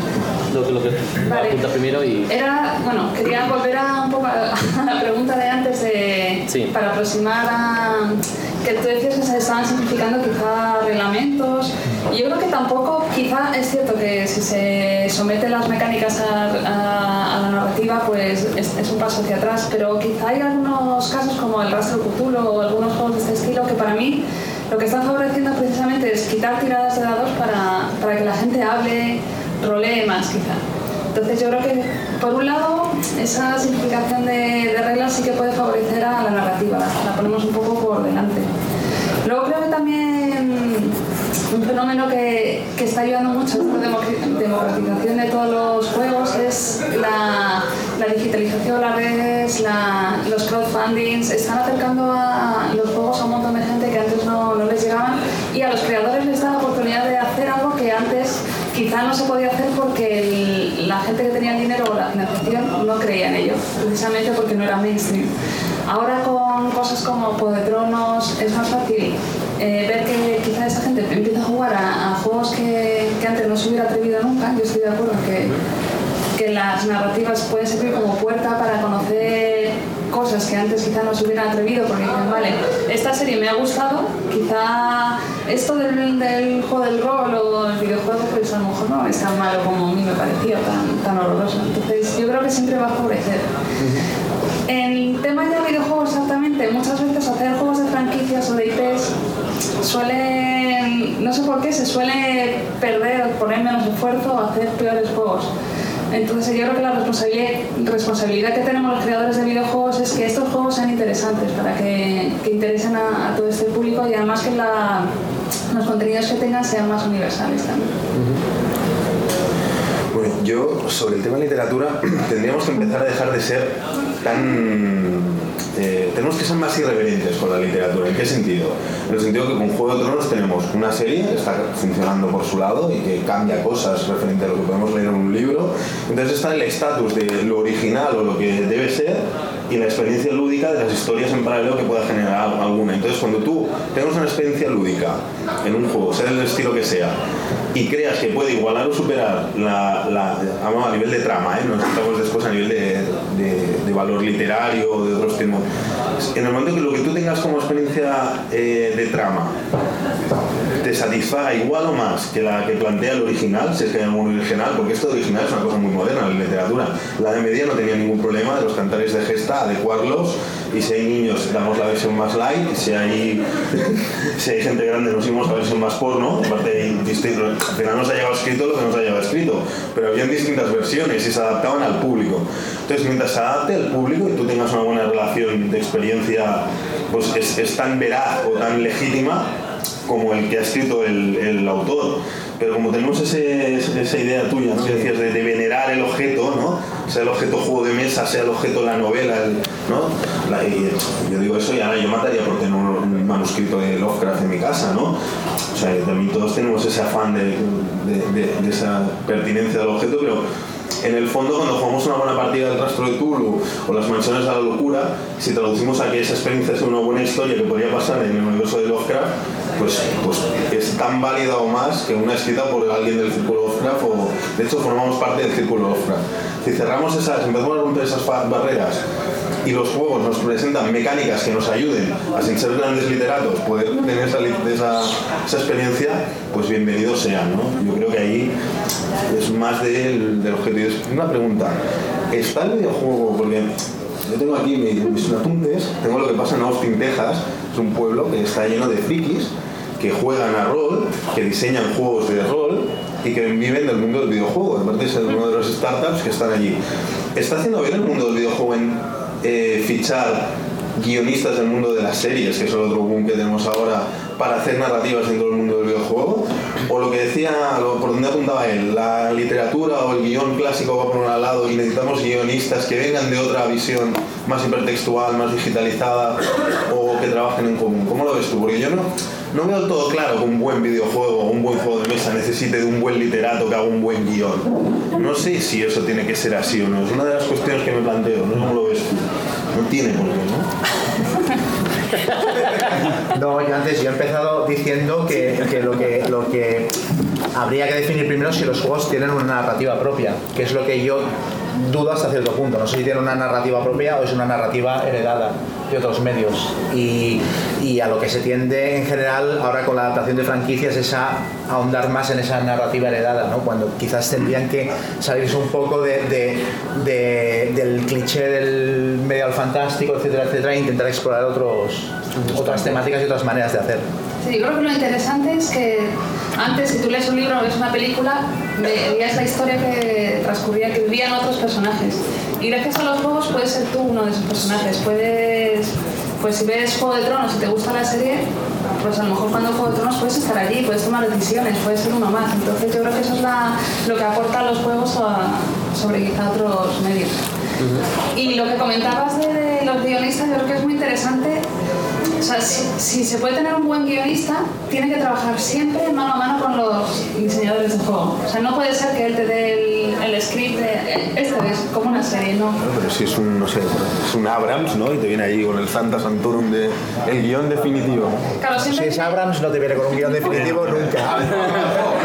Si es Abrams te viene con el guion hasta la mitad y luego verá cómo lo acaba. Abrams hay un legacy. Lo, lo he dicho por la inmediatez de cierta película que se estrena el 18. Ah, vale. Sea, cuando se hace un videojuego tiene que estar eh, lo que son las mecánicas de juego y eh, la narrativa entrecruzadas totalmente. No puede estar una por un lado y otra por otro. No puedes llegar con el guion hecho y tú luego intentar hacer de eso un juego, porque no, no es posible.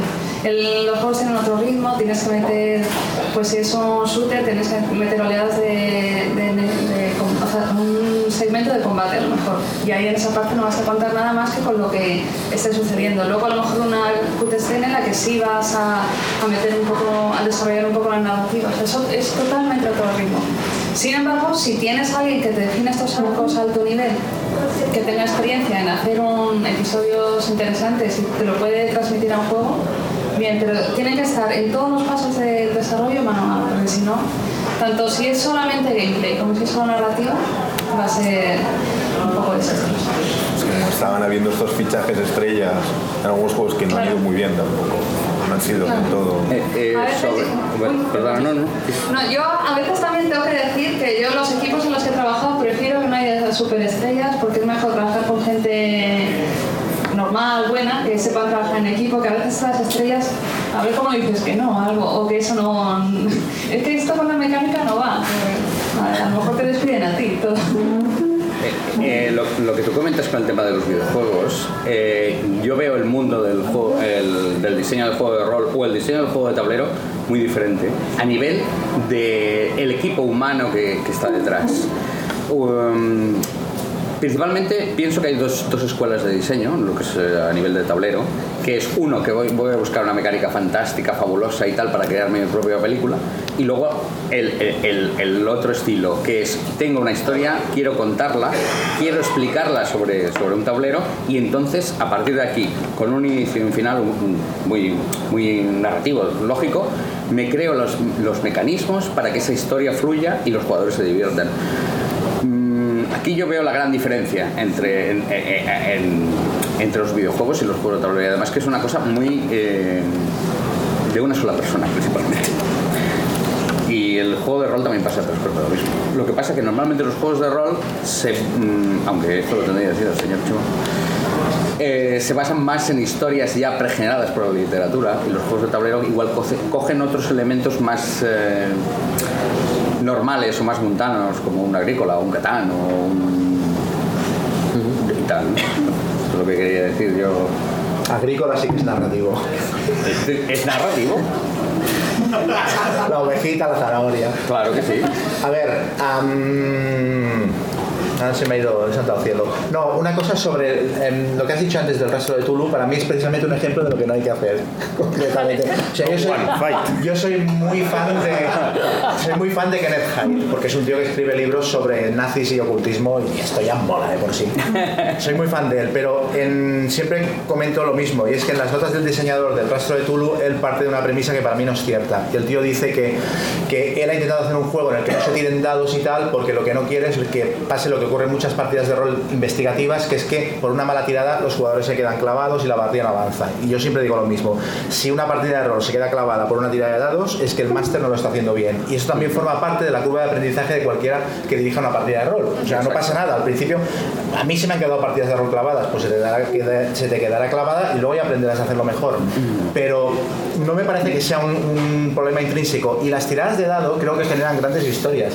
O sea, las mecánicas de rol, si las mantenemos reducidas al mínimo y no son intrusivas, creo que dan lugar, aparte de a mucho LOL y muchas risas, dan lugar a grandes historias si los jugadores saben, saben improvisar. Y por eso yo estoy un poquito en contra de estos juegos de última hornada, no quiero sonar a abuelo cebolleta, pero que te, que te imponen una narrativa y que en teoría te dan más libertad, pero en realidad te están te, te están coartando. Quiero decir, la, la primera vez de Dungeons and Dragons no tenía ni habilidades. O sea, eras, eras un. Eras un, un guerrero pelado. Un guerrero pelado. Y la gente se contaba unas historias. No le hacía falta nada más. No, ¿Sabes? No, no. Igual pasaba en Traveler, ¿te acuerdas? Exacto. En Traveler, en Traveler simplemente te generabas un Pero personaje. ya estaba, haciendo el personaje ya. Ya, ya, ya, ya- ya estabas jugando, ya morías, eras morías, Vale, pero, pero luego simplemente tenías dos dados de 6. Simplemente luego tenías dos dados de 6 y con eso te montabas la historia. O sea, no, no necesitabas más. Es como mm, cualquier partida de rol, yo pienso que lo único necesario es mm, ni, ni los dados. O sea, simplemente dos dados de 6 y ganas de jugar y ganas de meterte en un personaje. Y ahí la narrativa te la creas y, la- y dependerá mucho del, del, del máster. ¿Qué pasaba con, con- cuando estábamos en el club? Que teníamos diferentes másters para diferentes eh, Estilos. estilos.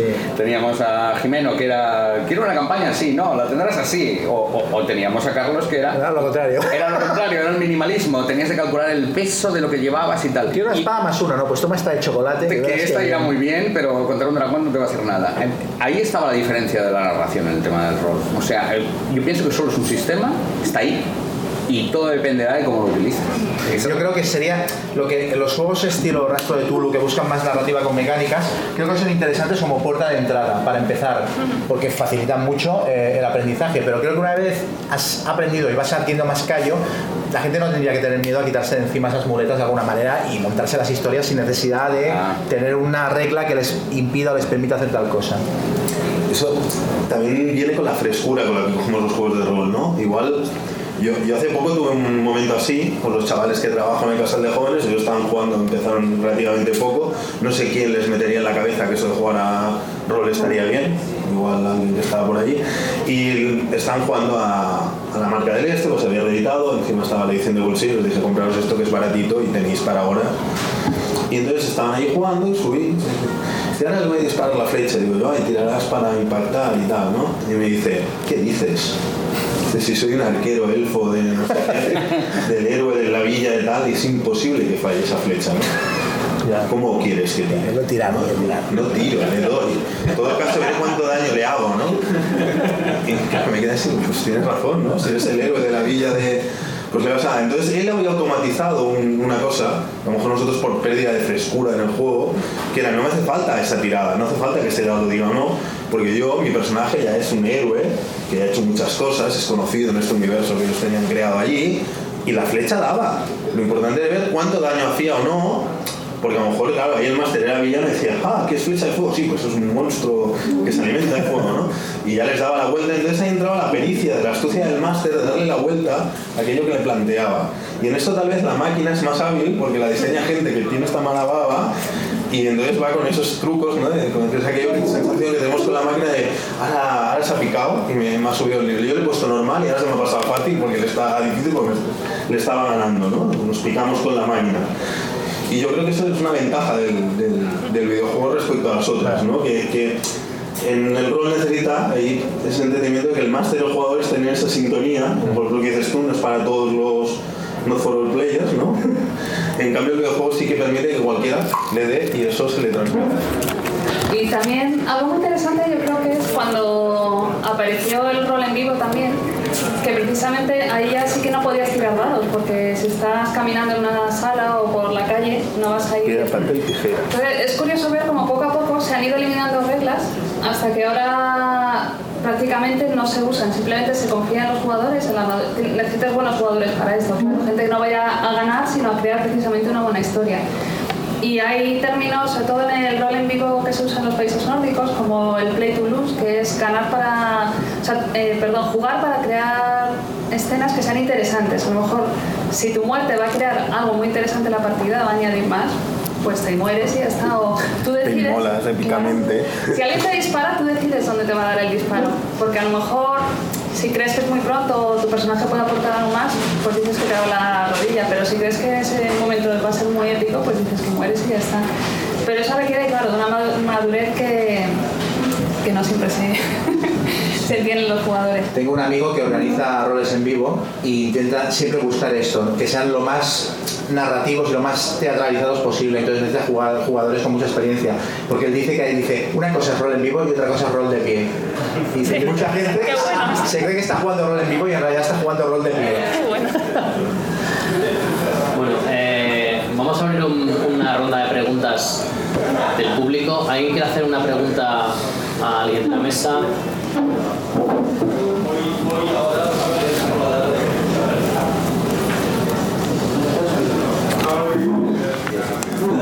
Sí, acaba de una cosa que acaba de, salir ahora. Y es, eh, en tres de estos ámbitos lo tengo bastante claro. Y es que eh, en literatura, en juego de rol y en juego de mesa, eh, se hacen trampas en favor de la narrativa. ¿Vale? Eh, el escritor puede guardarse unas en la manga para sorprender al lector.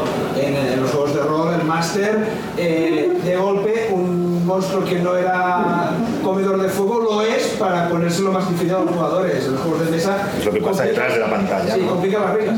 En, en una cosa que parece muy rígida y muy programada, como son los juegos eh, de ordenador, también se hacen trampas en la programación en bien de la narrativa.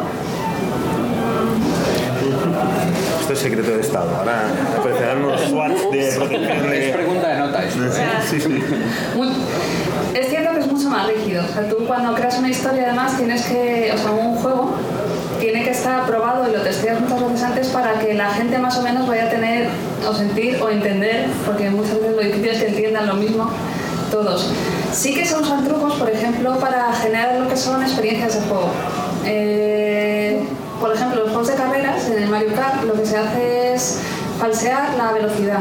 Los que van en cabeza van más lento que los que van los últimos. A los últimos se les dan un empujoncito de, velocidad. Igual que a los primeros, siempre que cogen un objeto de los cubos estos siempre les van a salir cosas peores que a los de atrás. A los de atrás siempre les salen turbos, les salen... ¿Por qué? Porque O sea lo que es cierto, no era paranoia nuestra, no de horas. Lo sospechaba. Era una, era una sospecha de las 4 de la mañana con los colegas, pero veo que... ¿Por qué? Porque es más interesante, es más interesante que todos los... Es más emocionante la carrera si todos van muy pegados. Si tú a las 10, mi- 10 segundos de carrera hay uno que va y ya te ha doblado, pues ya deja, dice, "Esto no, no quiero seguir jugando, ¿para qué? Entonces, esos trucos sí que se usan, sobre todo para Eso pasa porque es pantalla de partida. Si estuviera solo gana. Indignante. Pero, pero, de todas maneras, de todas maneras esos trucos. Que quiero decir que de todas maneras esos trucos también se utilizan en el rol, evidentemente. No te, si desgraciadamente has matado al fulanito, bueno, va, te voy a dejar hecho polvo y ya te arreglaré. O en el juego de tablero, con la dinámica que existe desde el nacimiento de los Eurogames, en los cuales los jugadores a veces no se decida la partida hasta el último momento o la eliminación sea eh, casi imposible. Entonces todos lleguen con, un, con una idea de llegar hasta el final. Yo eh, a hacer, estoy preparando un videoblog o sea, un- sobre las 10 cosas que más odio de los juegos de mesa. Y, una, y una de ellas es las reglas de compensación para el último jugador, artificiales, ¿sabes? Totalmente, ¿eh? a mí no me gustan las Porque la vida no es así, la vida es dura. Tampoco me gusta. Sí, aprende, coño, con madura. No, yo quería comentar sobre lo de las trampas de los juegos de rol. Cuidado que no solo las hace el máster, ¿eh? O sea, yo, yo cuando habito tengo tendencia, según, si, si veo que los jugadores están haciendo trampas y eso ayuda a la narrativa, yo me atiendo mu- tengo mucha tendencia a hacerme el loco, ¿eh? Yo, yo he asistido a escenas de vergüenza ajena, de estar mirando una hoja y hacer una tirada de salvación tal y cual. Tiran y hay uno que la ha fallado y hago- me hago el loco y yo vuelvo a tirar, vuelvo a tirar. Y yo, me, a ver que no veo, ¿sabes? O sea, si ayuda a... Es que falsear los datos. Sí, sí, yo tengo. Exacto. Tú tenías un más tres aquí de que estás paga. Pero si ayuda a la historia, yo soy muy, muy fan de dejar que la gente haga, porque también yo creo, creo que tanto todo suma al final.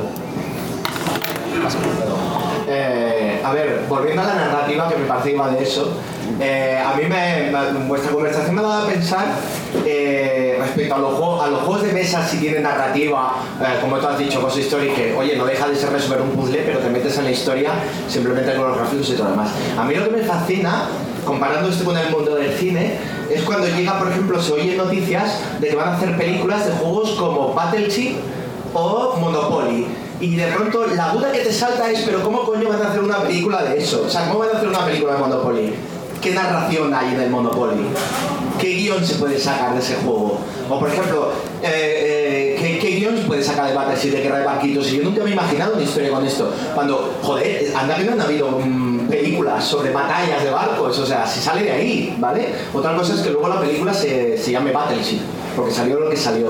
Entonces, a mí lo que me parece es eso, es la duda que te plantea de que de ciertos juegos de mesa se vayan a hacer una película y realmente lo que estás pensando es, es que es imposible.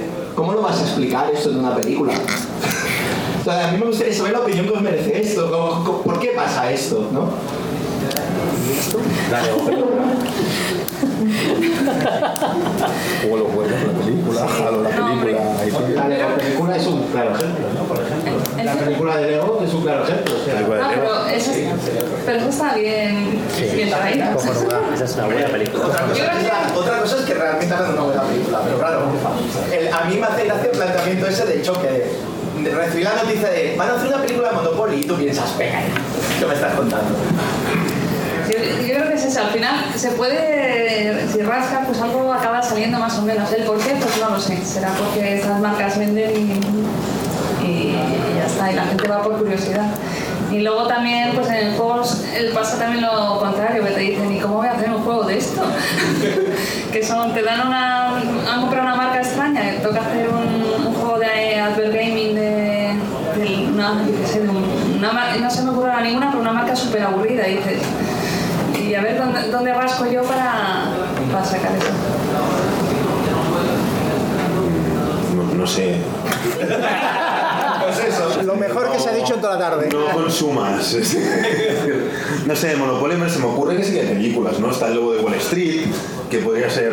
También hay elementos, ¿no? Que tienen que ver con los juegos de mesa, que en una película lo puedes llevar, no sé, yo si me dices peli de Monopoly te digo el lobo de Wall Street. Entonces eso para mí sería la peli de Monopoly, porque es la experiencia ultracapitalista que, que busca el, el Monopoly, ¿no? Entonces para mí ya está hecha, se llama el lobo de Wall Street. Claro, hacer otra que sea un tío subido en un coche con una bota gigante que le persigue y tal, depende del LSD que hayas tomado, ¿no? Ese día. Sí, no, es que es, tan fácil como que es una franquicia, pones el nombre y da dinero. Si, si- en los años eh, principios de los 80 se hizo un juego de rol de Dallas, de la serie de televisión Dallas, ya me explicarás tú. ¿eh? Cualquier cosa, es, cualquier franquicia es convertible en un producto aunque solo tenga, aunque solo tenga el título, no, no, no tiene más. Ha- Hace no me acuerdo, 5 o 6 años, al Festival de Sitges vino Jorge Romero, el director de La Noche de los Muertos Vivientes. Hizo una especie de clase magistral y tal. Al final hubo preguntas y yo me levanté con mi super pregunta y le dije, ¿por qué cree usted que se hacen ahora tantas películas de muertos vivientes? ¿Cree que reflejan la sociedad? Y el tío me cortó y dijo, no, porque dan pasta. O sea, lo tuvo y me, puso en mi sitio. Es, tan sencillo como eso, dan dinero. Una película, puedes hacer una película sobre barquitos y una invasión alienígena, pero si le pones Battleship, la gente lo relaciona con el juego de, de MB, van, venden más entradas. Que es- yo creo que es tan sencillo como eso. Y lo demás ya viene dado. No, opino igual que él. O sea, todo es una cuestión de dinero y una cuestión de marca. Aún puedes decir que dices, bueno, por ejemplo, la película de Cluedo se hizo, aún podías decir que había un poco de, de- de- de trama ahí y, y además tenía la gracia de que había cuatro finales diferentes al final de la película, por lo cual podías, podías hacerte tu propia película dentro de la película. Pero aquí es como todo, o sea, esto es un trabajo, te dan una marca y intenta, intenta apoyarte en algún espacio para, para poder sacar un juego bueno. Bueno, el, ejemplo último y que hay un buen juego es el, de Tony, el, el, el Victus. Ha cogido una obra literaria y ha sacado una parte del tema y lo ha convertido en un juego de tablero que, es, que funciona. Mm, Aquí todo depende de las expectativas, tanto que tengan, yo pienso, el diseñador como el como la empresa. Hay a veces, eh, ah, tenemos eh, Bob Esponja, ¿qué hay que hacer? Pues nada, métele usted un parchís y ala, y a vender. O... Claro, es así, es que no tiene más. ¿No hay, no hay un Monopoly de Star Wars? Y uno de Juego de Tronos. Ahí está, o sea, el tema, el tema este es, también depende mucho, pienso, de la suspensión de la realidad que tenga el propio comprador. Porque dice, bueno, vale, voy a seguir jugando al Monopoly, pero, pero, pero juego a Star Wars Sí. y llevo la estrella de la muerte. Hasta, hasta cierto punto dirán, bueno, lo tomas, se lo regalo a los niños y que se lo coman. Pero cuando intentas coger un tema serio, intentas hacer un buen juego, como el, el- incluso los de Fantasy Flight, el Juego de Tronos, el de, el de tablero, está bien. Es un juego que intenta reflejar el- la, la historia que hay detrás. Bueno. Es jugable. Sí. Ya sé que te gusta más el juego de cartas. Tampoco. Bueno, pues te gustaba. Sí, eso es la primera edición. No, Pero sí, sí, ya la sé primera por- ya sé edición, por pero, después por dónde vas, voy, ¿no? Entonces ahí, ahí es lo que, lo que hay. Yo, tengo, yo también tengo preguntas. Ah, vale. ¿No creéis que, a ver, una para los jugones y otra para Tatiana? ¿Vale? O sea, eh, para los, abuelos de bolleta. ¿vale? Ella también es jugadora. Los abuelos de bolleta, quiero decir. O sea, ¿no creéis que ahora, por ejemplo, eh, un sistema tan novedoso como Legacy no puede dar un aire a juegos que, que están llegando y que, por ejemplo, al final un juego duran 10, 12 partidas como mucho, ¿no? ¿No creo que puede ser un salto precisamente a eso, que son narrativas a veces un poco más cerradas y vas a tener esa sensación de campaña que tienes con los juegos de rol? Y luego a ti es ¿Qué conspiráis o qué hacéis a la hora de desarrollar los, la, la metanarración de los juegos que son los easter eggs que a veces metéis los desarrolladores que no me explico cómo podéis sacar esas historias a veces? Si conoces algún ejemplo aparte de algún easter egg que digas tú, menuda locura. O sea, muchos easter eggs al final es. Pues porque nos aburrimos. Alguna El chorrada. tedio de... Quiero meter alguna tontería para luego. Pues. es que es muy duro. Entonces, yo qué sé, yo me acuerdo de la- una empresa que una amiga mía se. Era en un modelo de un edificio, que luego la textura era muy pequeñita se iba a ver. Pues había, se había puesto ella misma con, con su gato. Entonces, tú si te acercabas, lo veías, pero claro, eso era imposible de ver. Yo creo que es más por, quizá por dejar algo aparte de ti, el buscar una. al salirse un poco de, lo que el juego y buscar algo paralelo, pero más producto de, de- eso. Como al al final la creación de videojuegos es un entorno en el que estamos todo el día pasándolo bastante bien, muy mal también a veces con las entregas y todo, pero hay gente, muy- mucha gente creativa, entonces siempre pues, a mí se me ocurre una idea loca y, y- y es, ay, un poco de. venga, va, vamos. Pero sentada, ¿no? Sí. Te dejo con el tema del Legacy. Ah, sí. Bueno, yo, yo he empezado a jugar el, el Pandemic Legacy esta semana pasada, he jugado las do- el mes de enero, el juego está estructurado en 12 meses, cada partida es un mes y si pierdes la primera vez la puedes repetir. Y jugamos, la- perdimos lamentablemente por un error mío la primera partida, hicimos el ridículo y entonces la repetimos y la ganamos y pasamos al mes de febrero. Y yo me lo pasé, o sea, me pareció súper inmersivo, gritándonos en plan, pero doctor, está usted loco, los cuatro jugadores, la cosa, o sea, me pareció solo ligeramente peor que follar. El- o sea, bueno, de hecho, eh, algunos polvos de los que en mi vida han sido bastante peores que, que la partida de Legacy del otro día. Y me pareció que tenía que narrativamente funcionaba muy bien. Me parecieron dos cosas. Me pareció primero que hace falta un buen juego para que Legacy funcione. O sea, no basta con. O sea, el sistema Legacy está muy bien, pero hace falta un juegazo como Pandemic, que ya es un cañón de salida, para que, para que Legacy funcione. Winter en Pandemic sería. Sí, sería, en, en Winter en Legacy sería buenísimo. Eh, me pareció eso y luego me pareció que remitía directamente, o sea, que intentaba reflejar concretamente am, la narrativa de las series de televisión actuales. Explica qué, es Sistema Legacy para... Ah, sí, bueno, sí, por si no lo sabéis. El sistema, el, el Pandemic Legacy, conocéis el juego Pandemic, pues el Legacy lo que hace es, eh, es un juego de campaña. Entonces cada partida tiene influencia sobre las posteriores y el juego lleva una serie de componentes que, vas, que van haciendo modificar el juego base. O sea, hay cartas que las rompes cuando pierdes ciertas partidas porque hay ciudades que quedan infestadas, hay pegatinas que las pones sobre el tablero y se quedan allí ya permanentes, eh, tus personajes pueden morir y si muere el personaje rompes la tarjeta, eh, o sea, modificas el juego a medida que vas jugando y cuando llevas media docena de partidas al juego no lo reconoce ni la madre que lo parió. Y cuando has acabado la campaña, en teoría el juego te queda injugable. O sea, hay gente que por lo que he leído sigue jugando a Pandemic Legacy tal como les ha quedado el juego, pero muchas veces acabas la campaña y lo tienes que tirar. Eh, entonces esto empezó, el primero que hicieron creo que fue Risk, hicieron Risk Legacy. que no lo he jugado, no sé qué tal estaría, pero supongo que no sería tan narrativo. Y lo siguiente que han hecho es, es Pandemic Legacy y es como si estuvieras jugando una serie de televisión. Y creo que buscaban concretamente replicar ese tipo de narrativa. No sé si era esto lo que preguntabas. Se me ocurre que el, vivimos un mundo donde igual dentro de poco en eBay se subastan partidas de gente famosa de cajas de Legacy. Esto mismo lo rollo, hablamos. rollo Martin ahora... Eh, el de, el de Escoreo, Sí. hizo la, la Board Week que era donde salía, salía- salían los personajes de, del Tabletop, ¿no? Por ejemplo, salía. ¿Cómo se llama este? El de la barba que sale. Will Wheaton como personaje y tal, que, que también se Pues eso después se revalorizaba en eBay. ¿no? Pero es todo el delirio que decíamos antes también de, de, de encumbrar, ¿no? De objeto. Lo que yo cuando empecé a jugar eh, había juegos de mesa, había un señor que era Reiner Nicia que, que hacía mecánicas y ahora últimamente se dice, bueno, es que siempre lleva el tema pegado, siempre lleva el tema pegado. Eh, y parece como que, ha ido un poco hacia abajo.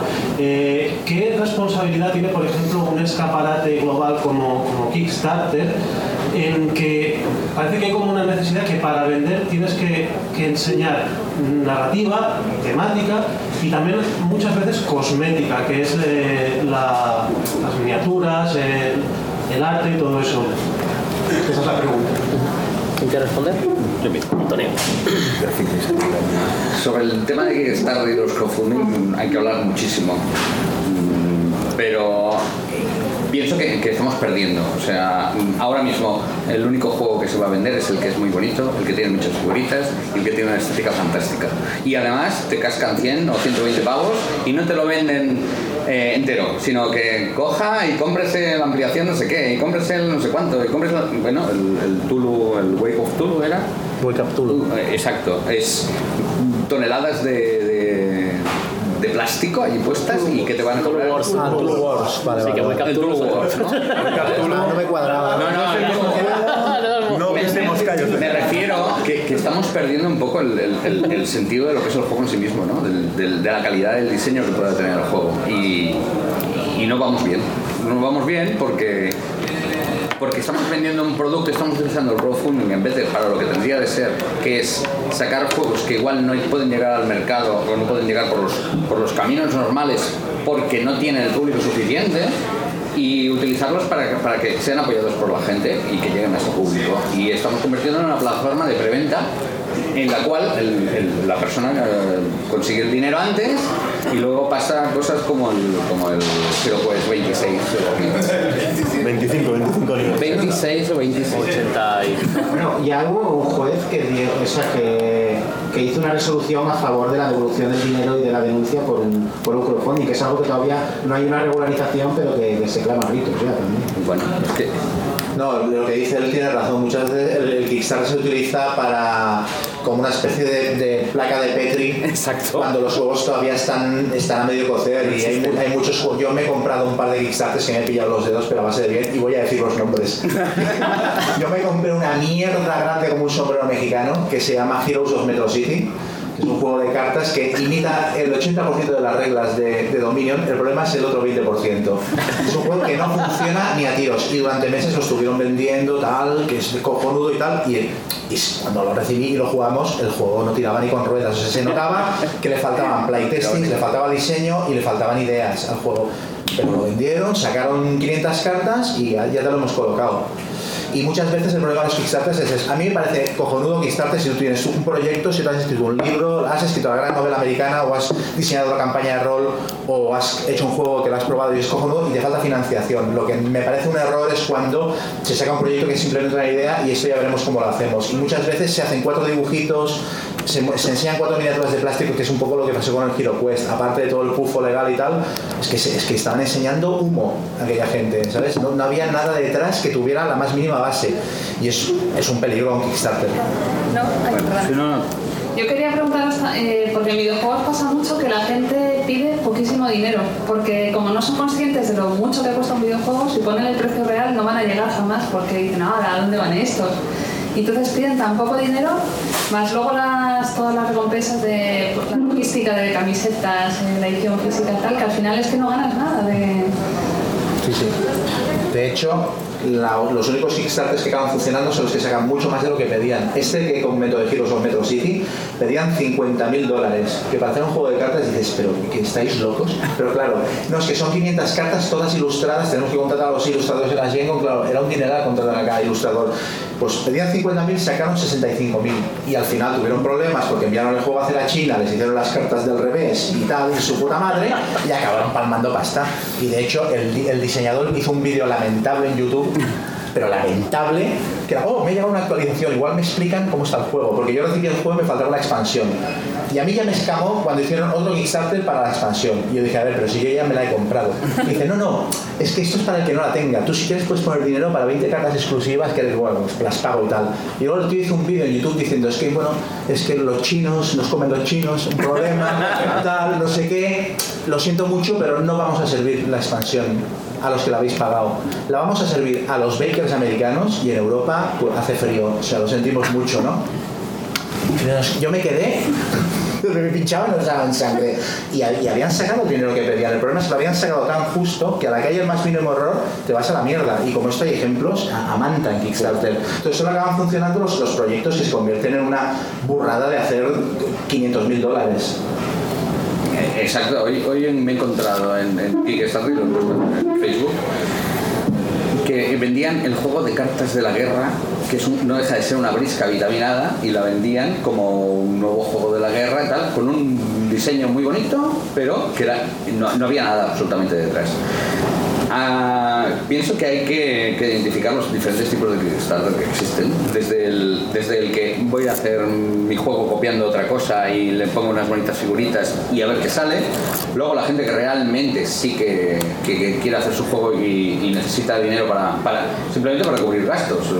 La, la, eh, Pedro Soto y, y Eh, con, ¿cómo se llama? Looping, Looping Games, que ellos sacan los juegos porque quieren sacarlos y además piden justo lo, que necesitan.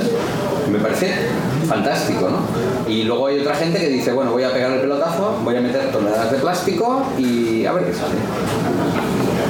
Que también salen cosas buenas, ¿eh? Kickstarter. O sea, hay juego- hay Star Realms es un Kickstarter. Zombies iPhone, Kickstarter. O sea, hay cosas que funcionan bien, pero el problema es que es una lotería. No tienes ninguna garantía. Ahí está, no pasan, no, no pasan de ninguna manera el, el- el filtro del editor, que es la, la figura que, que ha de existir. El editor no está solo para, para ganar dinero y vender juegos, sino está también para decidir si esos juegos son suficientemente buenos para, para, para llegar al mercado. Y ahí es donde nos equivocamos. Pienso que el, el, Kickstarter es bueno para eso, pero... Exacto. Ni para empresas grandes No, lo usan de plataforma de preventa. lo camuflan. Lo camuflan de. Es una preventa, Apuesta tú el dinero, ¿no? Que, que eres. Última pregunta. Sí. Ah, una reflexión sobre un tema que se ha tocado al principio de la mesa, que es eh, el mainstream y eh, el, el- el debate sobre si hay que continuar diciendo si el cultura o cultura, todo, todo así. Eh, ¿Qué pensáis? yo tengo la teoría de que eh, ahora estamos reclamando el juego cultura por- porque creemos que hace falta reclamarlo, pero en cambio creo que vivimos en una sociedad 90% lúdica. El, juego o el pasártelo bien o el jugar está constantemente y, es ya mainstream en aplicaciones como los móviles o el- de King es, el, paradigma. Es decir, que estamos en, una sociedad y en una generación que vive el juego intensamente en el día a día. Quizá a nosotros nos gusta más el que no se hace día a día, el, el- de juego de mesa, juego de rol, pero el juego ha entrado en nuestra vida eh, por las noches con los programas de, tele de la ruleta, en, el móvil, en muchos ámbitos, lo tenemos constantemente. Eh, mi, reflexión y, y mi, y mi- y que paso a la mesa es, ¿esto es culpa nuestra? Es decir, ¿es porque ahora nosotros somos la generación que gobierna el mundo, somos la generación madura que gobierna el mundo y somos la generación que de jóvenes descubrimos el juego como manera de vida? ¿Quién quiere contestar? Sí. Yo creo que quizá tenga mucho que ver eso, que todos los que hemos empezado jugando cuando éramos más jóvenes, pues ahora estamos en puestos de responsabilidad, donde podemos tomar decisiones sobre contenidos en televisión, series, gamificación, por ejemplo. Entonces, eh, yo creo que eso tiene mucho que ver. Y yo creo que también una reivindicación que quizá deberíamos hacer, aparte de lo de que los juegos sean cultura, es que se consideran los juegos como una industria, una industria seria, que nos podemos dedicar a esto como una profesión que sea reconocida como algo serio. Por aquí todavía, en, videojuegos al menos, esto es como, ah, hace dibujitos, o, ay, ¿cómo se lo pasa? Aquí tienes que, y son sueldos pésimos, eh, mal pagados, entonces quizá me gustaría que se considerara el- juegos como algo serio, una profesión, una industria, algo que te puedes dedicar. Eh, yo creo que ta- también tiene algo que ver, yo- yo ahora voy a hablar de mi experiencia profesional y es que en- voy a simplificarlo mucho, en el 90% de los casales de jóvenes de Cataluña, cuando te encuentras con otro profesional, una de las, cosas que te- las dos cosas que, que para nivelar salud de participación es, ¿tienes club de rol y grupo escolta? Si tienes grupo escolta y club de rol, sabes que tienes una plataforma de chavales que van a currar en fiestas mayores, en no sé qué, que van a hacer, pero son el club de rol y el grupo escolta. Estos dos elementos dentro de un casal de jóvenes dan una, una- entonces es normal que esta gente que estábamos en los grupos escoltas, los clubes de rol y tal, que ahora trabajamos en, en casas de shows, pues es normal cuando llegan los nuevos, pues eso hay un poco sí que ha habido factor contagio, ¿no? Entonces tú ves que esos patrones se repiten y que son cosas que funcionan. Entonces es muy normal que en los casas de jóvenes haya una ludoteca y, veas carcasons, catans, etcétera, ¿no? Es muy normal, no sé si antes era normal, pero es muy normal que cualquier casal de jóvenes tenga una ludoteca que casi compita con la de algunos de aquí, no otros, que aquí hay algunos que, que vuestras ludotecas de unido, ¿no? Pero, pero es así. Entonces yo creo que eso también es un poco porque sí, yo hay mucha gente que cuando hay otros profesionales del sector les preguntas y vienen de ese, de ese de, haber estado en esos momentos de jugando cosas y del toque internacional y de tal. De juegos que hacía. Sí, bueno, a ver, yo, eso está, todo esto que está muy bien. No, yo quería acabar en una, en una nota positiva para, para tener la sensación de que nos llevamos algo de valor de, de- esta, esta conversación. Os quería dar una receta de limonada picante que aún casi que me sale muy bien. Es, exprimes seis limones, eh, añades una cucharada sopera de wasabi, eh, un trocito así de jengibre picado, todo eso lo bates, eh, llenas con agua, 6 cucharadas de azúcar y el resto hielo. Eh, bueno, me dejo sin palabras. ¿Qué, qué has preguntado? Eh, hablabas sobre... Ya está. Ya está. Vámonos, Omar. Sí, vamos. Eh, tú preguntabas por el tema de, de- de que en- en la sociedad está, inver- eh, eh, está inmersionada en el tema de lúdico, ¿no? Yo pienso que nunca hemos dejado de jugar. O sea, eh, el abuelete o el, señor que iba al bar cada tarde a jugar su partida de dominó, su partida de cartas, o la gente que juega en casa y que sigue jugando el parchís, o, que sigue jugando con, a su brisca, ha existido siempre. Estamos en una sociedad de juego, siempre, siempre ha existido. Lo que pasa es que quizás ahora estamos perdiendo un poco la calidad en el juego. Y esto, para mí, es quizás perder un poco la calidad del juego. Y todo lo que aparecen de la ruleta y tal por televisión, eh, lo estamos convirtiendo en, gambling. No lo, estamos haciendo en gaming, ¿no? Yo creo que estamos perdiendo. Al contrario de, ganar ludificando. O sea, el, el término gamificar para mí ha de ser ludificar. Y lo estamos perdiendo. Sí, bueno, es lo que habían, decíamos antes, lo de cuándo empezaste a dibujar, no, cuándo dejaste de dibujar vosotros. es un poco eso. ¿no? de todas maneras, también hay eso, está la barrera esta que, que la curva de aprendizaje que yo decía antes, que o sea, esto también requiere un cierto esfuerzo. Entonces, si la puerta de entrada es Catán o Carcassonne o juegos en este plan, mm, costa. O sea, la gente los. Cada vez hay más gente que los tiene en su casa, pero a la gente le cuesta, le sigue costando verlos como algo normal. ¿Sabes? La brisca, el dominó y tal es otra. El parchís, el ajedrez es otra cosa. Tienen como una especie de aura de que siempre han estado ahí. Pero los juegos más especializados, mm, yo creo que será muy difícil que, que es que se normalice de alguna manera. Y tampoco sé si, si, si es necesario, ¿no? O sea, es que son algo especial. Y yo el otro día estuve jugando a Manila, que hacía mucho que no jugaba y que me parece un juegazo. Y pensaba, esto lo pones en cualquier casa, las navidades, para jugar, y la gente flipa. Dixie.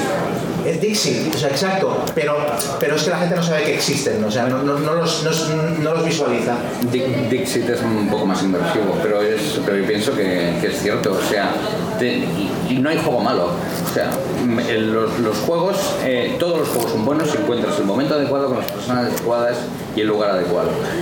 Y jugar, eh, puedes pasártelo de coña jugando una partida de, parchís con, con- con ellos, igual con dos copas de más y o igual puedes jugar el juego más mm, completo y más eh, tal, y dices, si no entras, no entras. Si no encuentras el momento, me va a aburrir. No, no he disfrutado, igual puede pasar con cualquier tipo de juego. Bueno, pues muchas gracias a los miembros de la mesa. Eh, vamos a cerrar esta mesa sobre narrativas y N mil cosas más. Tocado no solo narrativa, siempre pasa lo mismo. Empiezas hablando de narrativa y acabas hablando de gamificación. Es un, es un clásico. Bueno, no quería cerrar antes sin eh, invitaros al próximo 9 de septiembre. Seguimos con las pre-DAO. Recordad que el festival eh, DAO es el 12 y 13 de diciembre. El día 9, eh, miércoles día 9, en el Palau de la Virreina, a las 5 de la tarde tenemos otra mesa. Eh, vamos a tener que ser una mesa conflictiva, entre comillas, en la que vamos a tener a un grupo de diseñadores de juegos de mesa versus otro grupo de diseñadores de videojuegos. Y vamos a ver hasta qué punto se pueden relacionar los mundos.